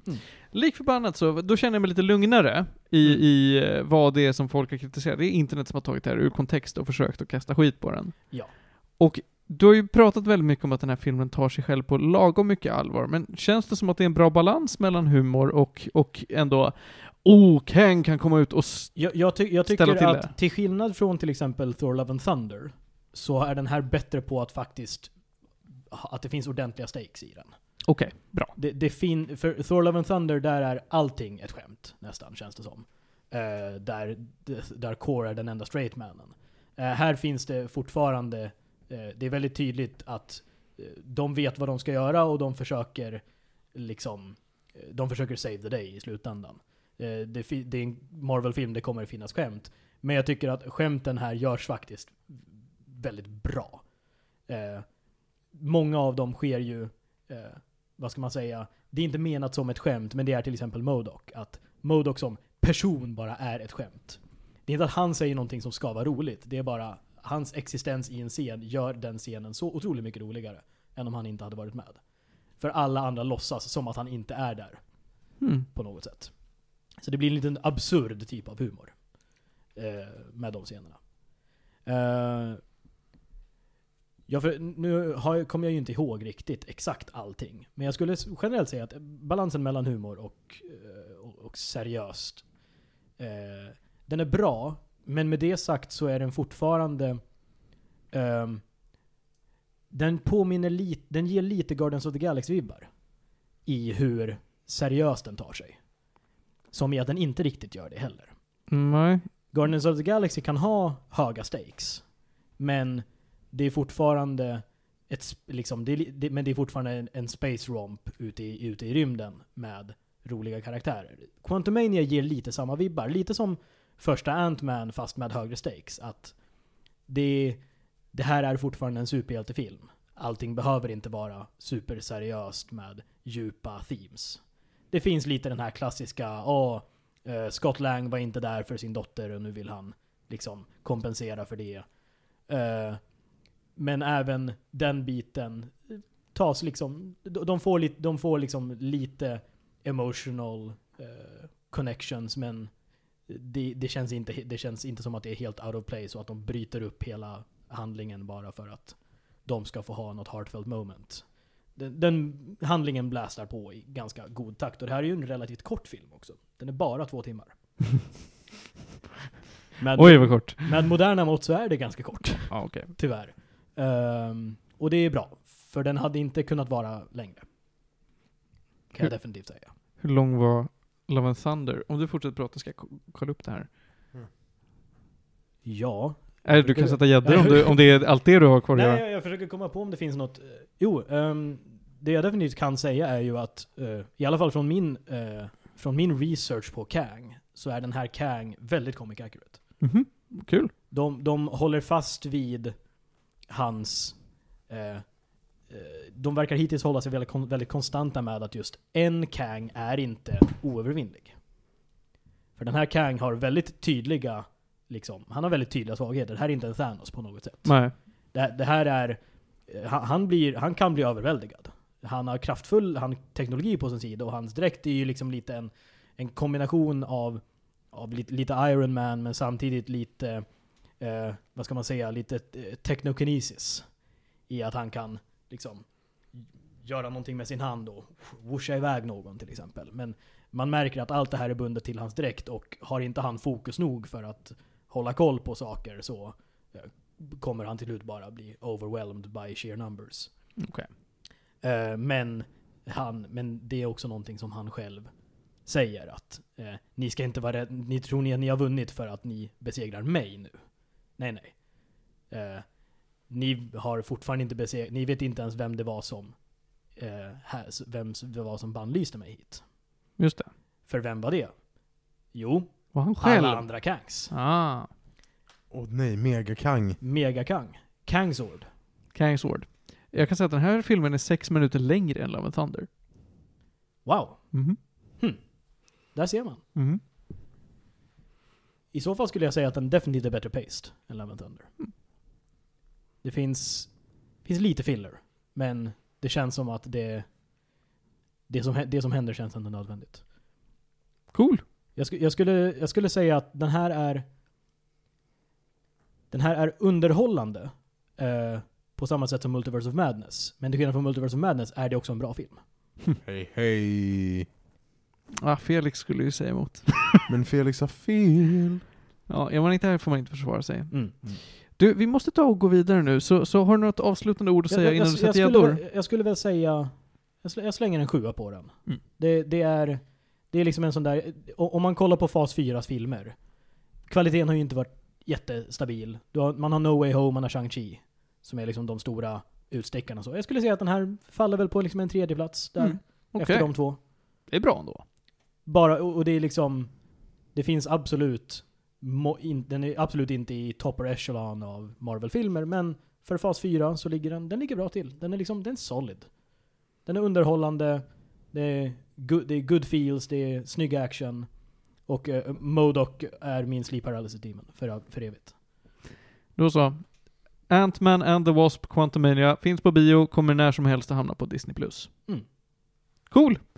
Hörni, vi ska gå vidare i agendan och Theo, du ska få eh, komma in i rummet. Ja men, eh, jag har ju jobbat en del och snickrat lite hemma och då är det väldigt mysigt att ha en gammal gubbe som pratar i örat på Är det Gunde Svan?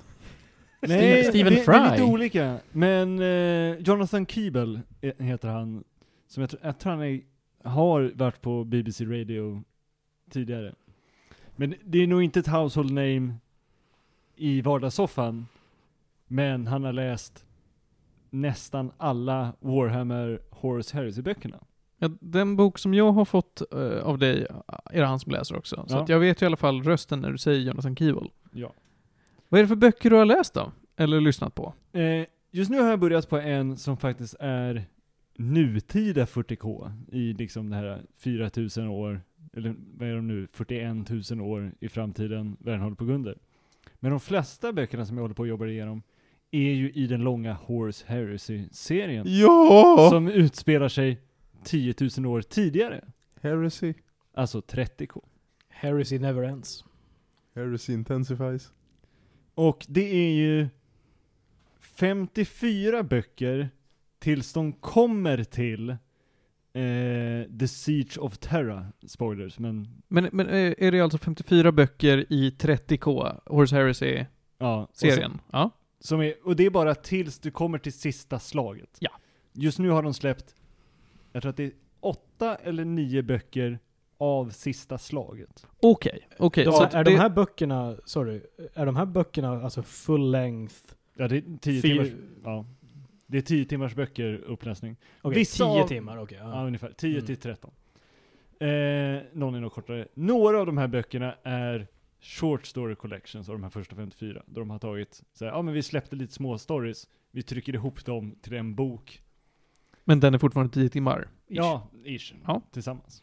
Okej, men så vart vi är nu är att vi är 62 böcker in i den biten. Jag tror det, vi, vi är där någonstans. Ja.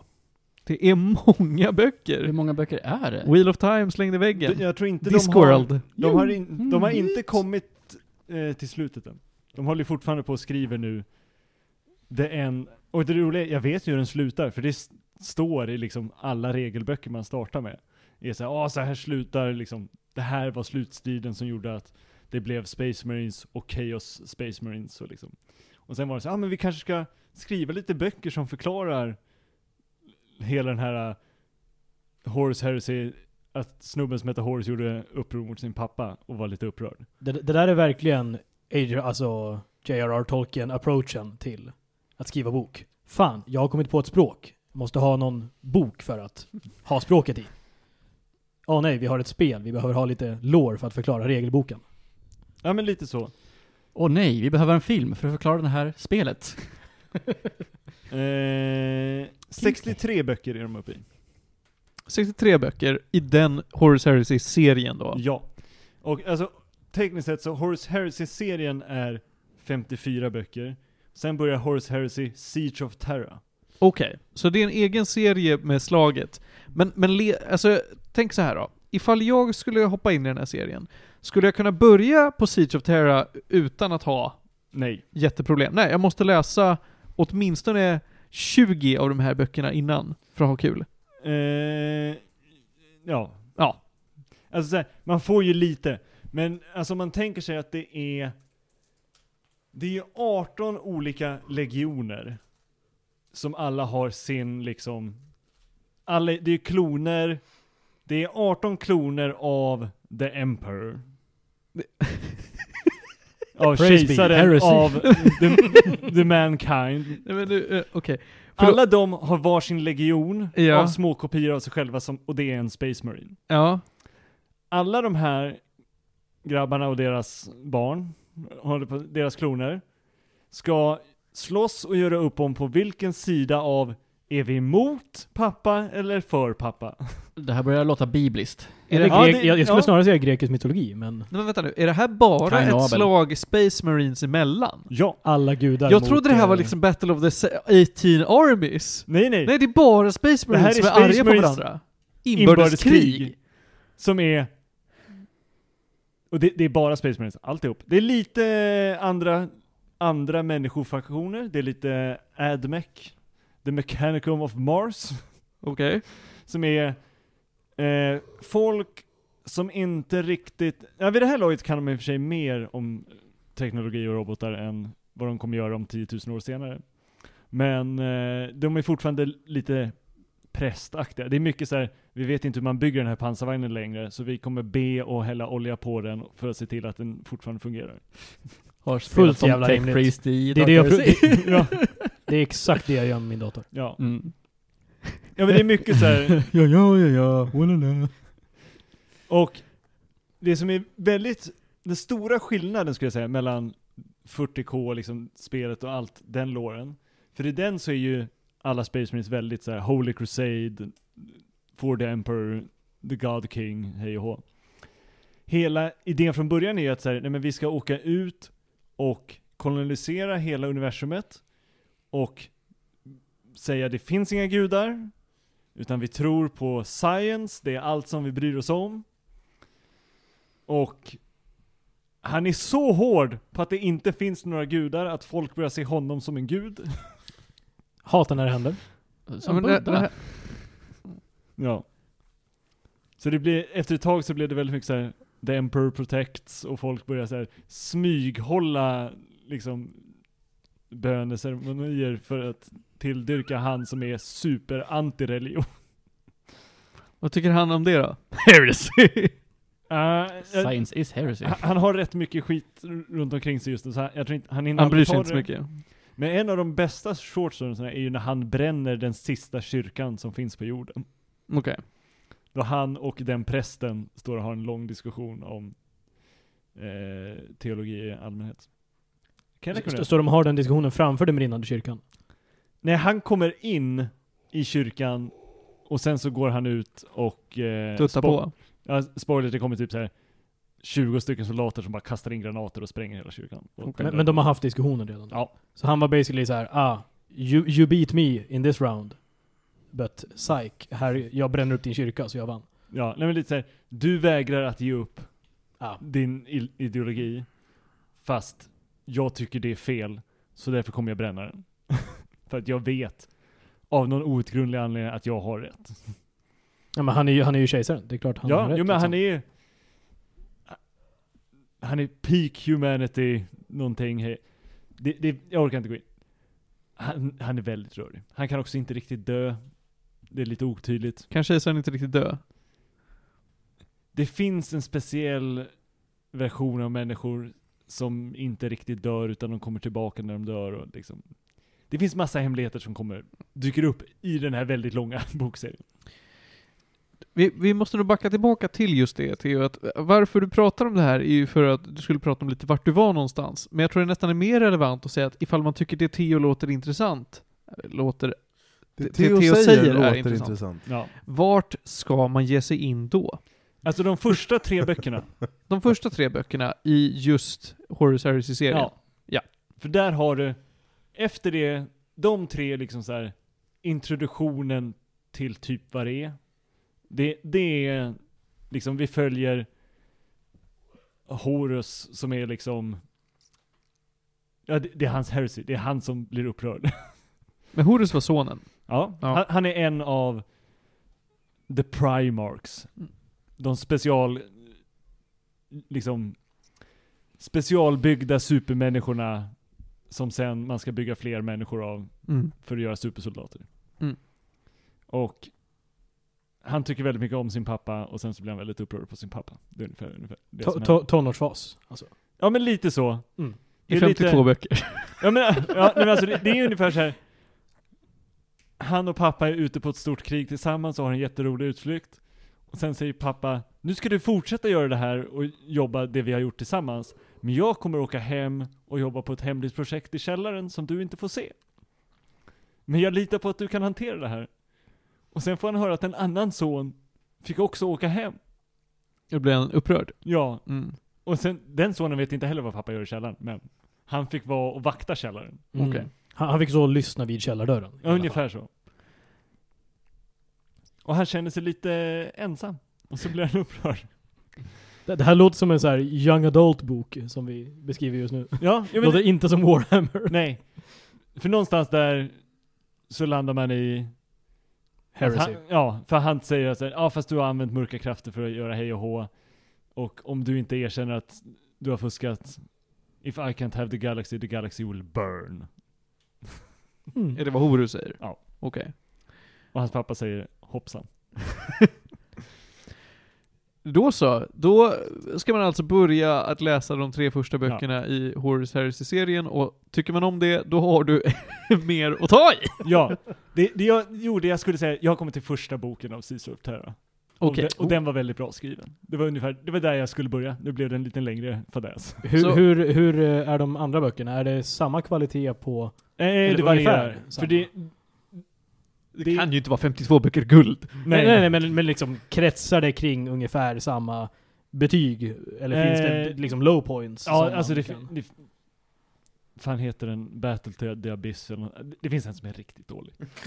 En! Det finns en som är riktigt dålig. Ja, nej, men och sen finns det, det finns några böcker som är eh, så här bok, vad kan det vara, så här 12, 13 eller så här.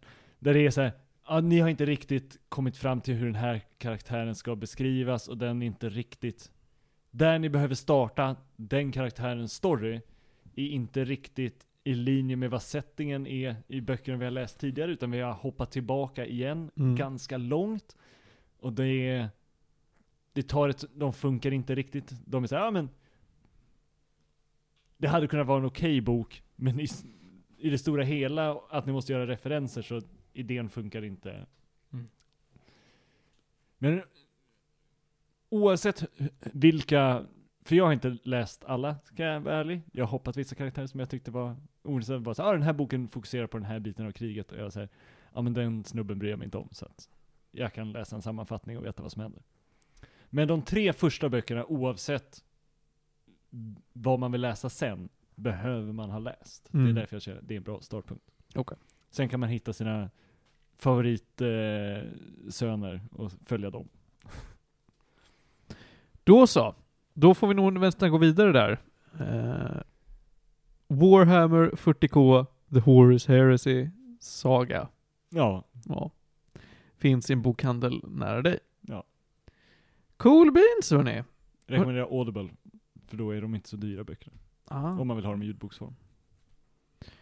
Vi ska traska vidare till dagens näst sista ämne. Jag har spelat Shovel Knight. Är det någon annan här som har spelat Shovel Knight? Nej. Ja, Nej. Ja. men det var jättelänge sedan känns det som. Då har du nog inte kört det... Ja, det var jättelänge sedan, för det, det här är ett spel som har varit, inte i development hell, men det har inte blivit klart på väldigt länge. Men är inte det han riddaren med en spade? Jo, Som hoppar runt och så Jo. slåss man med spaden? ja. Var det inte klart när jag spelade? Nej. Det finns fyra spel till. Va? Ja. Oj. Shovel Knight Treasure Trove, mina vänner, är alla Shovel Knight-spelen i ett trevligt paket. Shovel Knight är ett spel utvecklat av, av eh, vad heter de då? De heter typ Yacht Club Games. Jag ska dubbelkolla det så jag inte säger fel. Eh, heter de ännu? Jo, Yacht Club Games. Kom ut för första gången, första spelet, 2014. Ja, Så det det här- nio år sedan. det här tror jag var det spelet som jag spelade.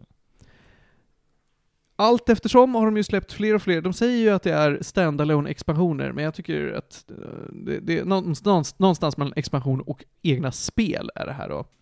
Eh, sista kom ut 2019, så spelet var officiellt färdigt 2019. Så sex år tog de på sig innan Shovel Knight var färdigt. Eh, totalt är det då fem spel. Det är Shovel Knight, det är, är oh, förlåt. Eh, Plague of Shadows, eh, Spectre of Torment, King of Cards. Var det tre kampanjer till? Ja, det var det. Förlåt. Det var inte fyra kampanjer till, det var tre kampanjer till. Så det är fyra spel totalt. Första spelet följer Shovel Knight. Det här är alltså ett 2D side-scroller med, med corpse running och eh, lite andra element slängda ovanpå. Det påminner väldigt mycket om DuckTales till eh, NES. Det där är hur en combaten fungerar. retro-referens. En riktigt retro-referens, men det är ett väldigt bra spel än idag ska jag säga. finns en bra remake som också kom ut typ 2013. Eh, du springer runt som en riddare med en spade. Lite Megaman-aktigt är det i och med att du ska spöa andra riddare med olika teman. Så att du går från bana till bana. Det är inte linjärt, utan du har en overworld map där du kan spela banor i olika ordning. Vissa banor har ingen boss i form av en annan riddare, vissa har det. Eh, du samlar på dig guld, du kan köpa rustningar och typ coola power-ups slash mm, subvapen för. Lite castlevania stuk Eh, och det finns, det finns ingen linjär ordning att göra allting i, men det är väldigt mycket så att du spöar de här tre, sen går du till nästa tre, sen går du till nästa tre, och sen är det slutspurten liksom. Eh, Snabb inflikning, är, är all form av attack eh, melee eller finns det ranged? Eh, spaden är bara melee, men de här subvapnen som finns kan vara Mm. lite ranged. Okej. De kan vara allting från vapen till att vara eh, temporär odödlighet Dun, till dun, dun, dun, dun. flyga lite grann. Mm. Lite allt möjligt sånt där. Det är pixel art, så att det ser eh, väldigt gammalt ut, men, men eh, det är, man märker att ja, men det här är ett spel som ändå håller moderna standards. Det är väldigt roligt, det finns ganska mycket dialog, det är väldigt lustigt, tar sig själv på precis lagom mycket allvar. Ju längre in i de här andra spelen man kommer, desto mindre och mindre allvar blir det. Jag ska komma lite till det. Eh, Men varför är Shovel Knight så väl omtalat? För det är, det är nog ganska allmänt känt att Shovel Knight är känt som bra spel. Är det för att det blandar Mega Man med Dark Souls? Nej, det är det inte. Eh, är det för att, att det är eh, så extremt bra musik? Ja, delvis. För jävlar vad musiken i det här spelet är bra. Jag har för mig att kontrollen, alltså det var respons och sånt var väldigt, det hade man nailat i första i alla fall. Kontrollen är kanon. Mm. Men framförallt tycker jag att spelet lär dig mekanikerna på ett oslagbart sätt. Jag har aldrig spelat ett, ett 2D-spel som lär dig mekaniker så sömlöst på något sätt. Det behöver, behövs aldrig tutorials. Det behövs bara att du placeras på en plats där du själv kommer att upptäcka hur du löser en viss situation. Ett element kommer presenteras, du kommer förstå det, för att spelet liksom visar det åt dig på ett naturligt sätt och så kommer du att upprepa det genom level på level på level och bara utveckla det. Spelets tutorials och level design är moi. Därför är Shovel Knight kanoners. Corpse running i all ära, att, att ja, när du dör så trillar delar av ditt guld ner på marken och du måste komma ikapp dem innan du dör igen. Men du kan också göra så att det finns checkpoints på banorna. När du kommer till en checkpoint så behöver du inte ta det som en checkpoint. Du kan slå sönder den för att få mer guld. Eh, Det här har omtalats som en cool feature. Jag tycker det är en helt värdelös feature. För det guldet du får är så lite Mm. att det spelar ingen roll. Vad ska jag med det lilla guldet till när jag bara får ha en checkpoint? Eh, är det, finns det en begränsad mängd fiender per bana? Eh, ja, och framförallt så droppar de inte guld lika mycket andra gånger du slår på dem. Ja, okej, så, så det, det är liksom i alla fall... Du kan f- farma att springa samma bana om och om, och om igen, men du kan Mm. inte göra att springa fram till den här punkten, dö, eh, och sen springa samma sträcka och samla Mm. på dig mer guld. Nej, för för jag tänker liksom att det hade varit en sak om om det här guldet du fick eh, av att slå sönder en checkpoint, om du behövde göra det för att kanske låsa upp de riktigt dyra uppgraderingarna för att du kunde inte få guld på annat sätt. Då hade jag kunnat förstå det. Men det, som du säger, då, låt, då känns det ju bara som en, en onödig risk. Jag håller med. Vad tycker du som har spelat det här, Theo? Kände du att det var nödvändigt att slå sönder checkpoints? Jag tror jag testade det en gång eller någonting. Alltså det var, det jag kommer ihåg var att jag var rätt nöjd med att det inte var så mycket pengar. För det gjorde att, ja men, jag, be, jag blir inte lika rädd för att dö. Och jag känner mig inte straffad. Alltså det är inte så här, ja, genom att inte slå sönder den här så kommer jag inte få den här uppgraderingen. Utan så, ja, ja, jag kanske får köra den här banan en gång till eller någonting. Ja, du får köra den här sträckan en gång till i Ja. alla fall. Det finns inget begränsat liv, så att när du dör så kan du dö oändligt många gånger på samma checkpoint och du kommer respawna på samma checkpoint. Ja. Men, då- men då blir det väl också lite att om det inte finns ett incitament, varför ens ha den där? Jag så tänker att det finns ett incitament för själva corpse-runningen. Men just som du säger, att förstöra checkpointen vet Mm. jag inte. Jag tycker det är för lågt incitament Ja, nej, nej alltså, det. det var checkpointen jag menade. Mm, Att liksom, och om det inte är en... och Om, om ni båda kände att nej men det här är... Varför skulle jag ta bort möjligheten att få en till checkpoint för, Så liten för reward. så liten reward? Visst, om det, om, ja det blir ju skönt att man ändå kan få alla uppgraderingar, men om man ändå kan få alla uppgraderingar, varför ens ha den där? Om det inte markant speedar upp, ens speedar upp hastigheten så är det ju bara en Mm. onödig funktion. Ja, visst. Det är väl lite av en prestige-grej kanske, och man kan komma åt vissa upgrades lite snabbare. Men jag, Lite. Men det är inget som behövs för att du ska klara spelet utan några större problem. Nej. Jag tycker det är lagom svårt också. Och jag gillar corpse-runningen för att det, det ger dig, som du pratar om, att jag blir lite mer rädd för att dö genom att jag förlorar guld. För det här guldet Mm. kan jag gärna använda för grejer. Med det sagt så behöver jag inte slå sönder checkpoints för det. Men, men jag tycker det är en bra idé i ett sånt här spel att ge någon form av bestraffning för att du dör mycket och för att du inte är försiktig. Att spela de här försiktigt är bra när level designen är så intrikat. Mm. För då tänker man på varje bit på ett annat sätt. Så det är nice. Eh, det är inte jättelångt. Varje, varje spel är kanske en fem timmar. Och det tycker jag var kanoners. Spelen blir, jag tycker att de blir lättare och lättare. Därför att varje spel är snarare än att det är en, en Vissa är prequels, vissa är alternativa universum, vissa är eh, side stories till, eh, till Shovel Knight-storyn. Alla är kanoners. Jag tycker man ska spela alla. Eh, men alla är också väldigt olika, därför att du spelar som de andra eh, riddarna. Så att det finns ju åtta skurkar. Eh, det finns eh, King Knight, eh, Treasure Knight, Plague Knight, Spectre Knight och så vidare. Och, så vidare. och i varje expansion får du spela en ny riddare. Som har andra kontroller, du spelar på samma banor, men de är lite annorlunda designade för att anpassa sig efter den riddare du spelar som. De har andra control schemes. Vissa kan dubbelhoppa. Det är så här, ja, hade Shovel Knight kunnat dubbelhoppa, hade han kunnat springa förbi alla pussel liksom. Mm. Och det vet jag att Club Games om. Så det är inte meningen att de ska vara svåra, de ska bara ge en annan upplevelse. Och det är tillräckligt annorlunda för att det ska vara kul. Det är en annan typ av utmaning. Men inte det rent, ja, ah, nu ska vi ampa upp svårighetsgraden. Du ska bara ha mer kul. Mm. Sista expansionen då, King Knight, eller eh, King of Cards tror jag den expansionen heter, är eh, lika mycket ett 2D side-scroller som ett eh, kortspel. hoppsan. De har bara tryckt in kortpussel. Så jag kan inte förklara hur det fungerar riktigt, men du... Eh, du spelar en form av, av kort på ett, ett, ett bräde där du ska eh, ta över vissa rutor på brädet. Och korten har inga valörer såsom att de har 1-14, utan de, de har andra funktioner. Det är jätteroligt. Men de, det är också jätteroligt ett, en stund. De har ju liksom designat ett helt annat spel för en liten expansion, och de vet att det kan inte vara allt. Vi har gjort ett 2D side-scroller, jag kan inte sälja det här spelet på att göra en helt ny feature. Jag kan inte göra Gwent. Och de försöker inte göra Gwent. Så därför är inte den här obligatorisk att utforska till sin spets. För de som vill kan de spela kort till, till dess absoluta spets. För de som bara vill ta, eh, göra det här lite då och då som en del av storyn, så går det jättebra. Mm. Och det är just det, att de är så medvetna om sina styrkor och svagheter och ger ett smörgåsbord där de lockar dig in i att utforska mekanikerna precis lagom. Det är det som gör att jag verkligen uppskattar Shovel Knight. Jag är jätte, jättenöjd med hur Yacht Club Games har tänkt på spelarna när de har designat det. Jag sitter just nu och spelar Watch Dogs Legion, då det är bara så mycket skit som du inte behöver interagera med. Och de ger dig inget incitament att göra det. Men här är det ett mindre scope, då är det mycket lättare att kunna förstå psykologin hos spelarna.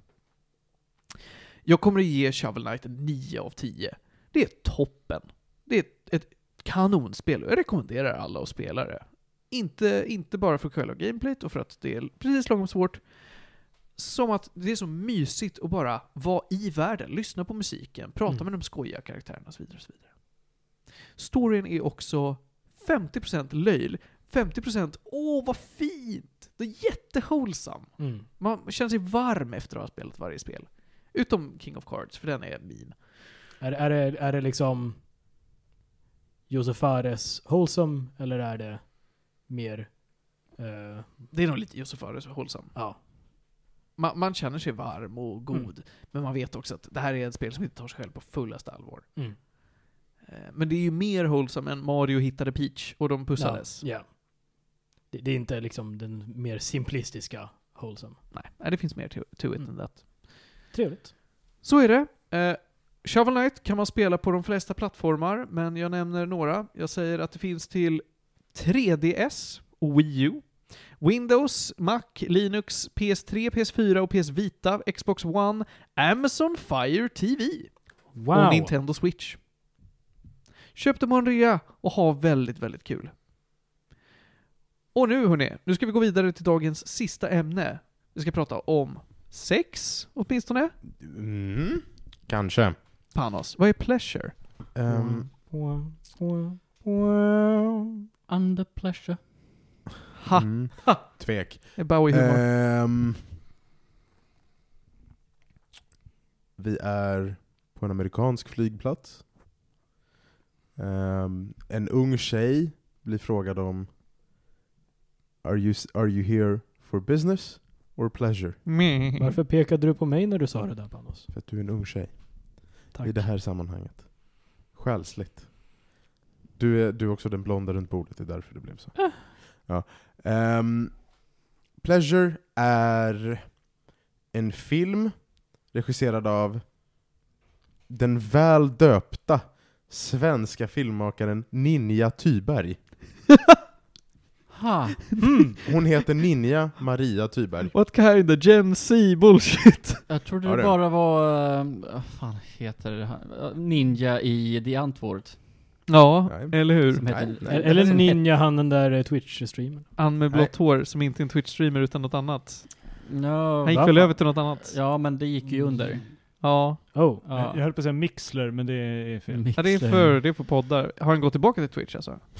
Mm, ja, eller Sa är inte han på Twitch bara sug min YouTube? röv och drog? Men han, är han inte på YouTube nu då? Säkert. Ja. Eller så är han kvar på Facebook Gaming. Ehm, Sorry. Eller heter det metagaming nu? Jag vet inte. Ja, det är Ah. oklart. Eh, berätta mer om vad, vad Ninja Tyberg har hittat på i den här serien. nin, eh, filmen. Filmen. N- Den här filmen handlar om 20-åriga Linnea som lämnar sin lilla svenska stad och åker till Los Angeles för att bli porrstjärna. Okej. Ehm, och det som är absolut mest oklart med filmen är varför Linnea vill bli porrstjärna. Jag vill bryta mot jantelagen. Jag gillar sex. Mhm. Väldigt oklart. Mhm, mhm. Mm. Resten av filmen är clearly stated. Du ser porrfilmsindustrin från det kvinnliga perspektivet. Ehm, och det, är, det, det har liksom det är inslag av eh, sex, sexuellt innehåll såklart, men också våld eh, och utnyttjande och liksom porrbranschpolitik. Eh, många av rollerna spelas av liksom, folk som faktiskt är med i Mhm. porrbranschen. Eh, både producenter och skådespelare och sådär.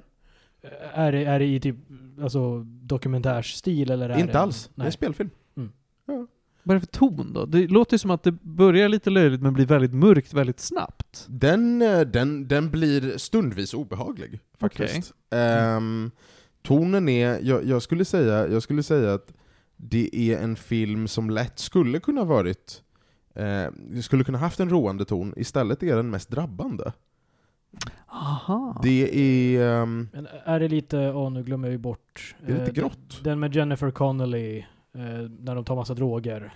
ja, du tänker Requiem for a Dream? Ja, Requiem for a Dream är ju lite mer overstated. okej. Den är lite, lite, lite mer överdrivet mörk, Mm. men, men det är helt klart samma genre. Det Okej. är inte en feel good film Nej. Men okej, men... Alltså, Requiem for a Dream är ju elände på elände. Ja. Har det här bryt i eländet? Det har ett visst bryt i eländet, men brytet agerar också, eh, agerar faktiskt kontrast, och det fördjupar eländet. Alltså, alltså det är ett, ett av... Eh, det här är en film som varit ute i ett par år. Den finns på SVT Play. Mm. Eh, premiärade på Sundance-festivalen förra, Mm. i 2021, tror jag. Eh, skulle egentligen ha visat filmfestivalen i Cannes 2020, men... Den covid- hände väl aldrig? Nej. Mm. Ja, Ja. exakt. Ehm, har vunnit tre priser på Guldbaggegalan förra året. Mhm. Mm. Sofia Kapell, som debuterade, 23 år gammal, fick bästa kvinnliga huvudroll för den här filmen. Mhm.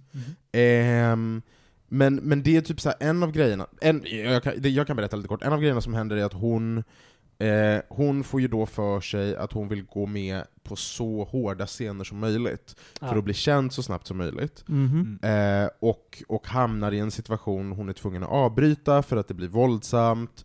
Eh, väldigt obehaglig scen att kolla på, Mm, alltså uppriktigt talat. Ehm, och, och ju längre filmen går, desto mer van blir hon vid branschen, och det slutar med att hon utsätter en kollega för liknande behandling i slutet av filmen. Mm. Eh, så så att det är ju liksom, det är verkligen, även när det bryter, så är kontrasten från det liksom obehagliga och hemska så, så stark att man lever, man lever liksom i skuggorna av det.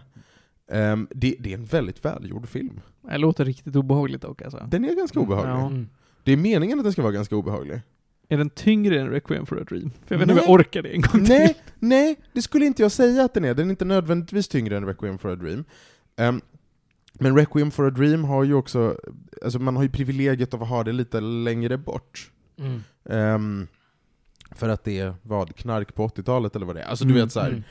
Um, medans, medans det här är väldigt, det är väldigt samtida, och det är väldigt ungdomligt, och helt ärligt talat väldigt popkulturellt relevant. Mm. Det är liksom... Mm. Alltså porrindustrin är ju mycket mer, den gäller ju för många fler i samhället än drog, sam, liksom livet. Ja, precis, och jag tänker att det antagligen finns, det finns nog antagligen fler unga människor där ute som tänker att det här hade nog varit kul, Mm. än vad det är folk som tänker så om heroin. Mm. Ehm, jag vet inte, jag vill inte säga så mycket mer. Grejen är att en stor del av filmen är bara att liksom uppleva den. För Mm. att den, det, är 100, det är 109 minuter eller vad det är. Eh, och, och den är, på vissa ställen är det lite snabba klipp, och på andra ställen känns det som att man verkligen inte kom framåt. För att det, det är så tungt. Ehm, jag tycker den är sevärd. Plus att den är gratis att kolla på just nu. Det är en Mm. prisbelönt film som ni kan kolla på, streama helt gratis. Ehm, den är bra.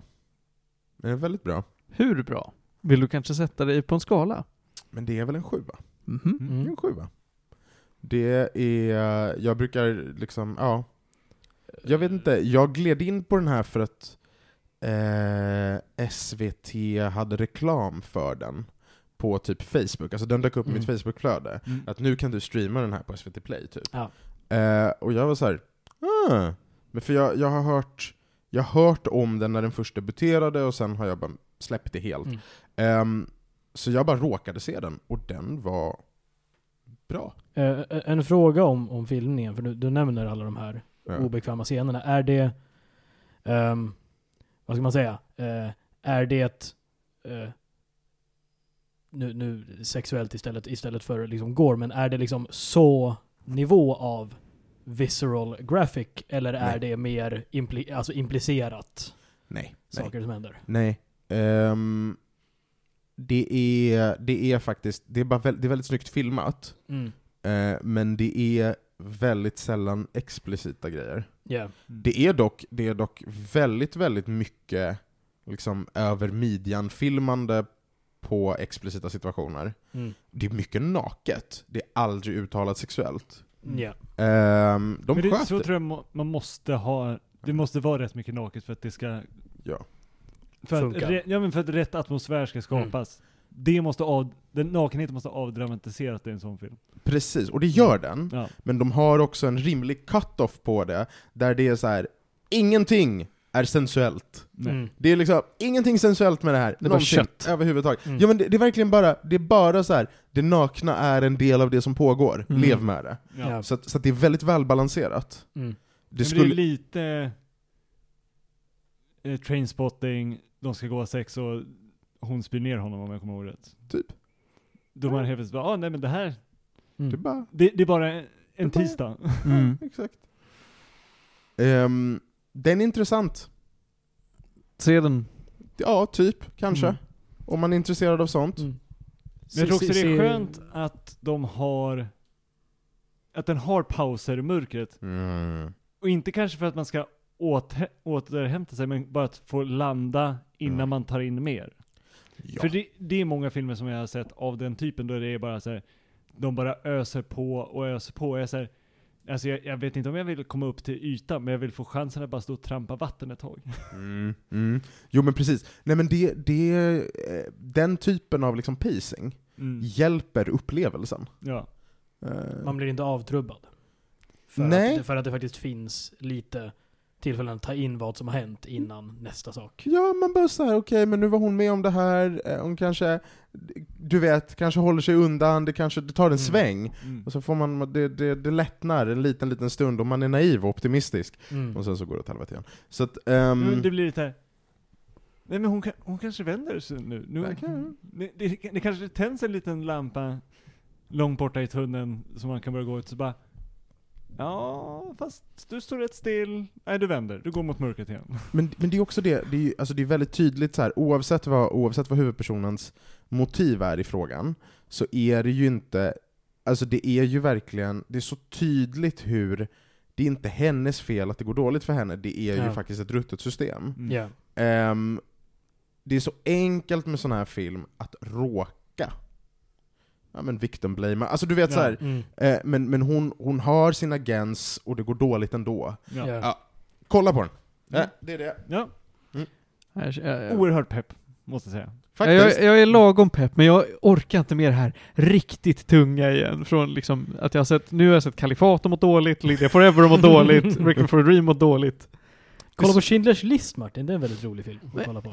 Alltså förut, det, det ska jag nog säga, den, är ju, den är ju, har ju ett väldigt mörkt tema, men det är väldigt lite i stunden, av va, alltså mo, minut till minut i Schindler's list som får man må dåligt. Mm, nej, det, det är sant. Det, det är ju mer...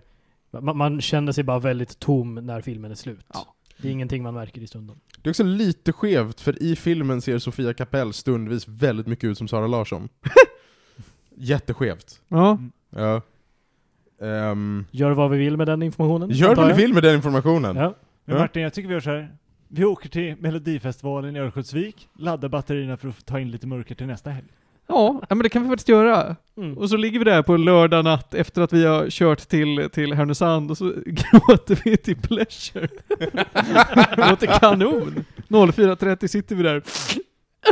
Men vi är ju trots allt på väg in mot ljusare tider, så... Det är vi. Mm. Det är därför vi åker till mörkret. Ja. Eh, hörni ni, Boden. vi ska ta och avsluta dagens program, men innan vi gör det så är det dags för tre snabba. Eh, första snabb är en eh, gammal serie vi pratat om förut som vi återbesöker nu. Det är We Were Here 4. We Were Here Forever, det trevliga co-op-spelet där man eh, löser pussel i, i eh, 1800-talets eh, snötundra.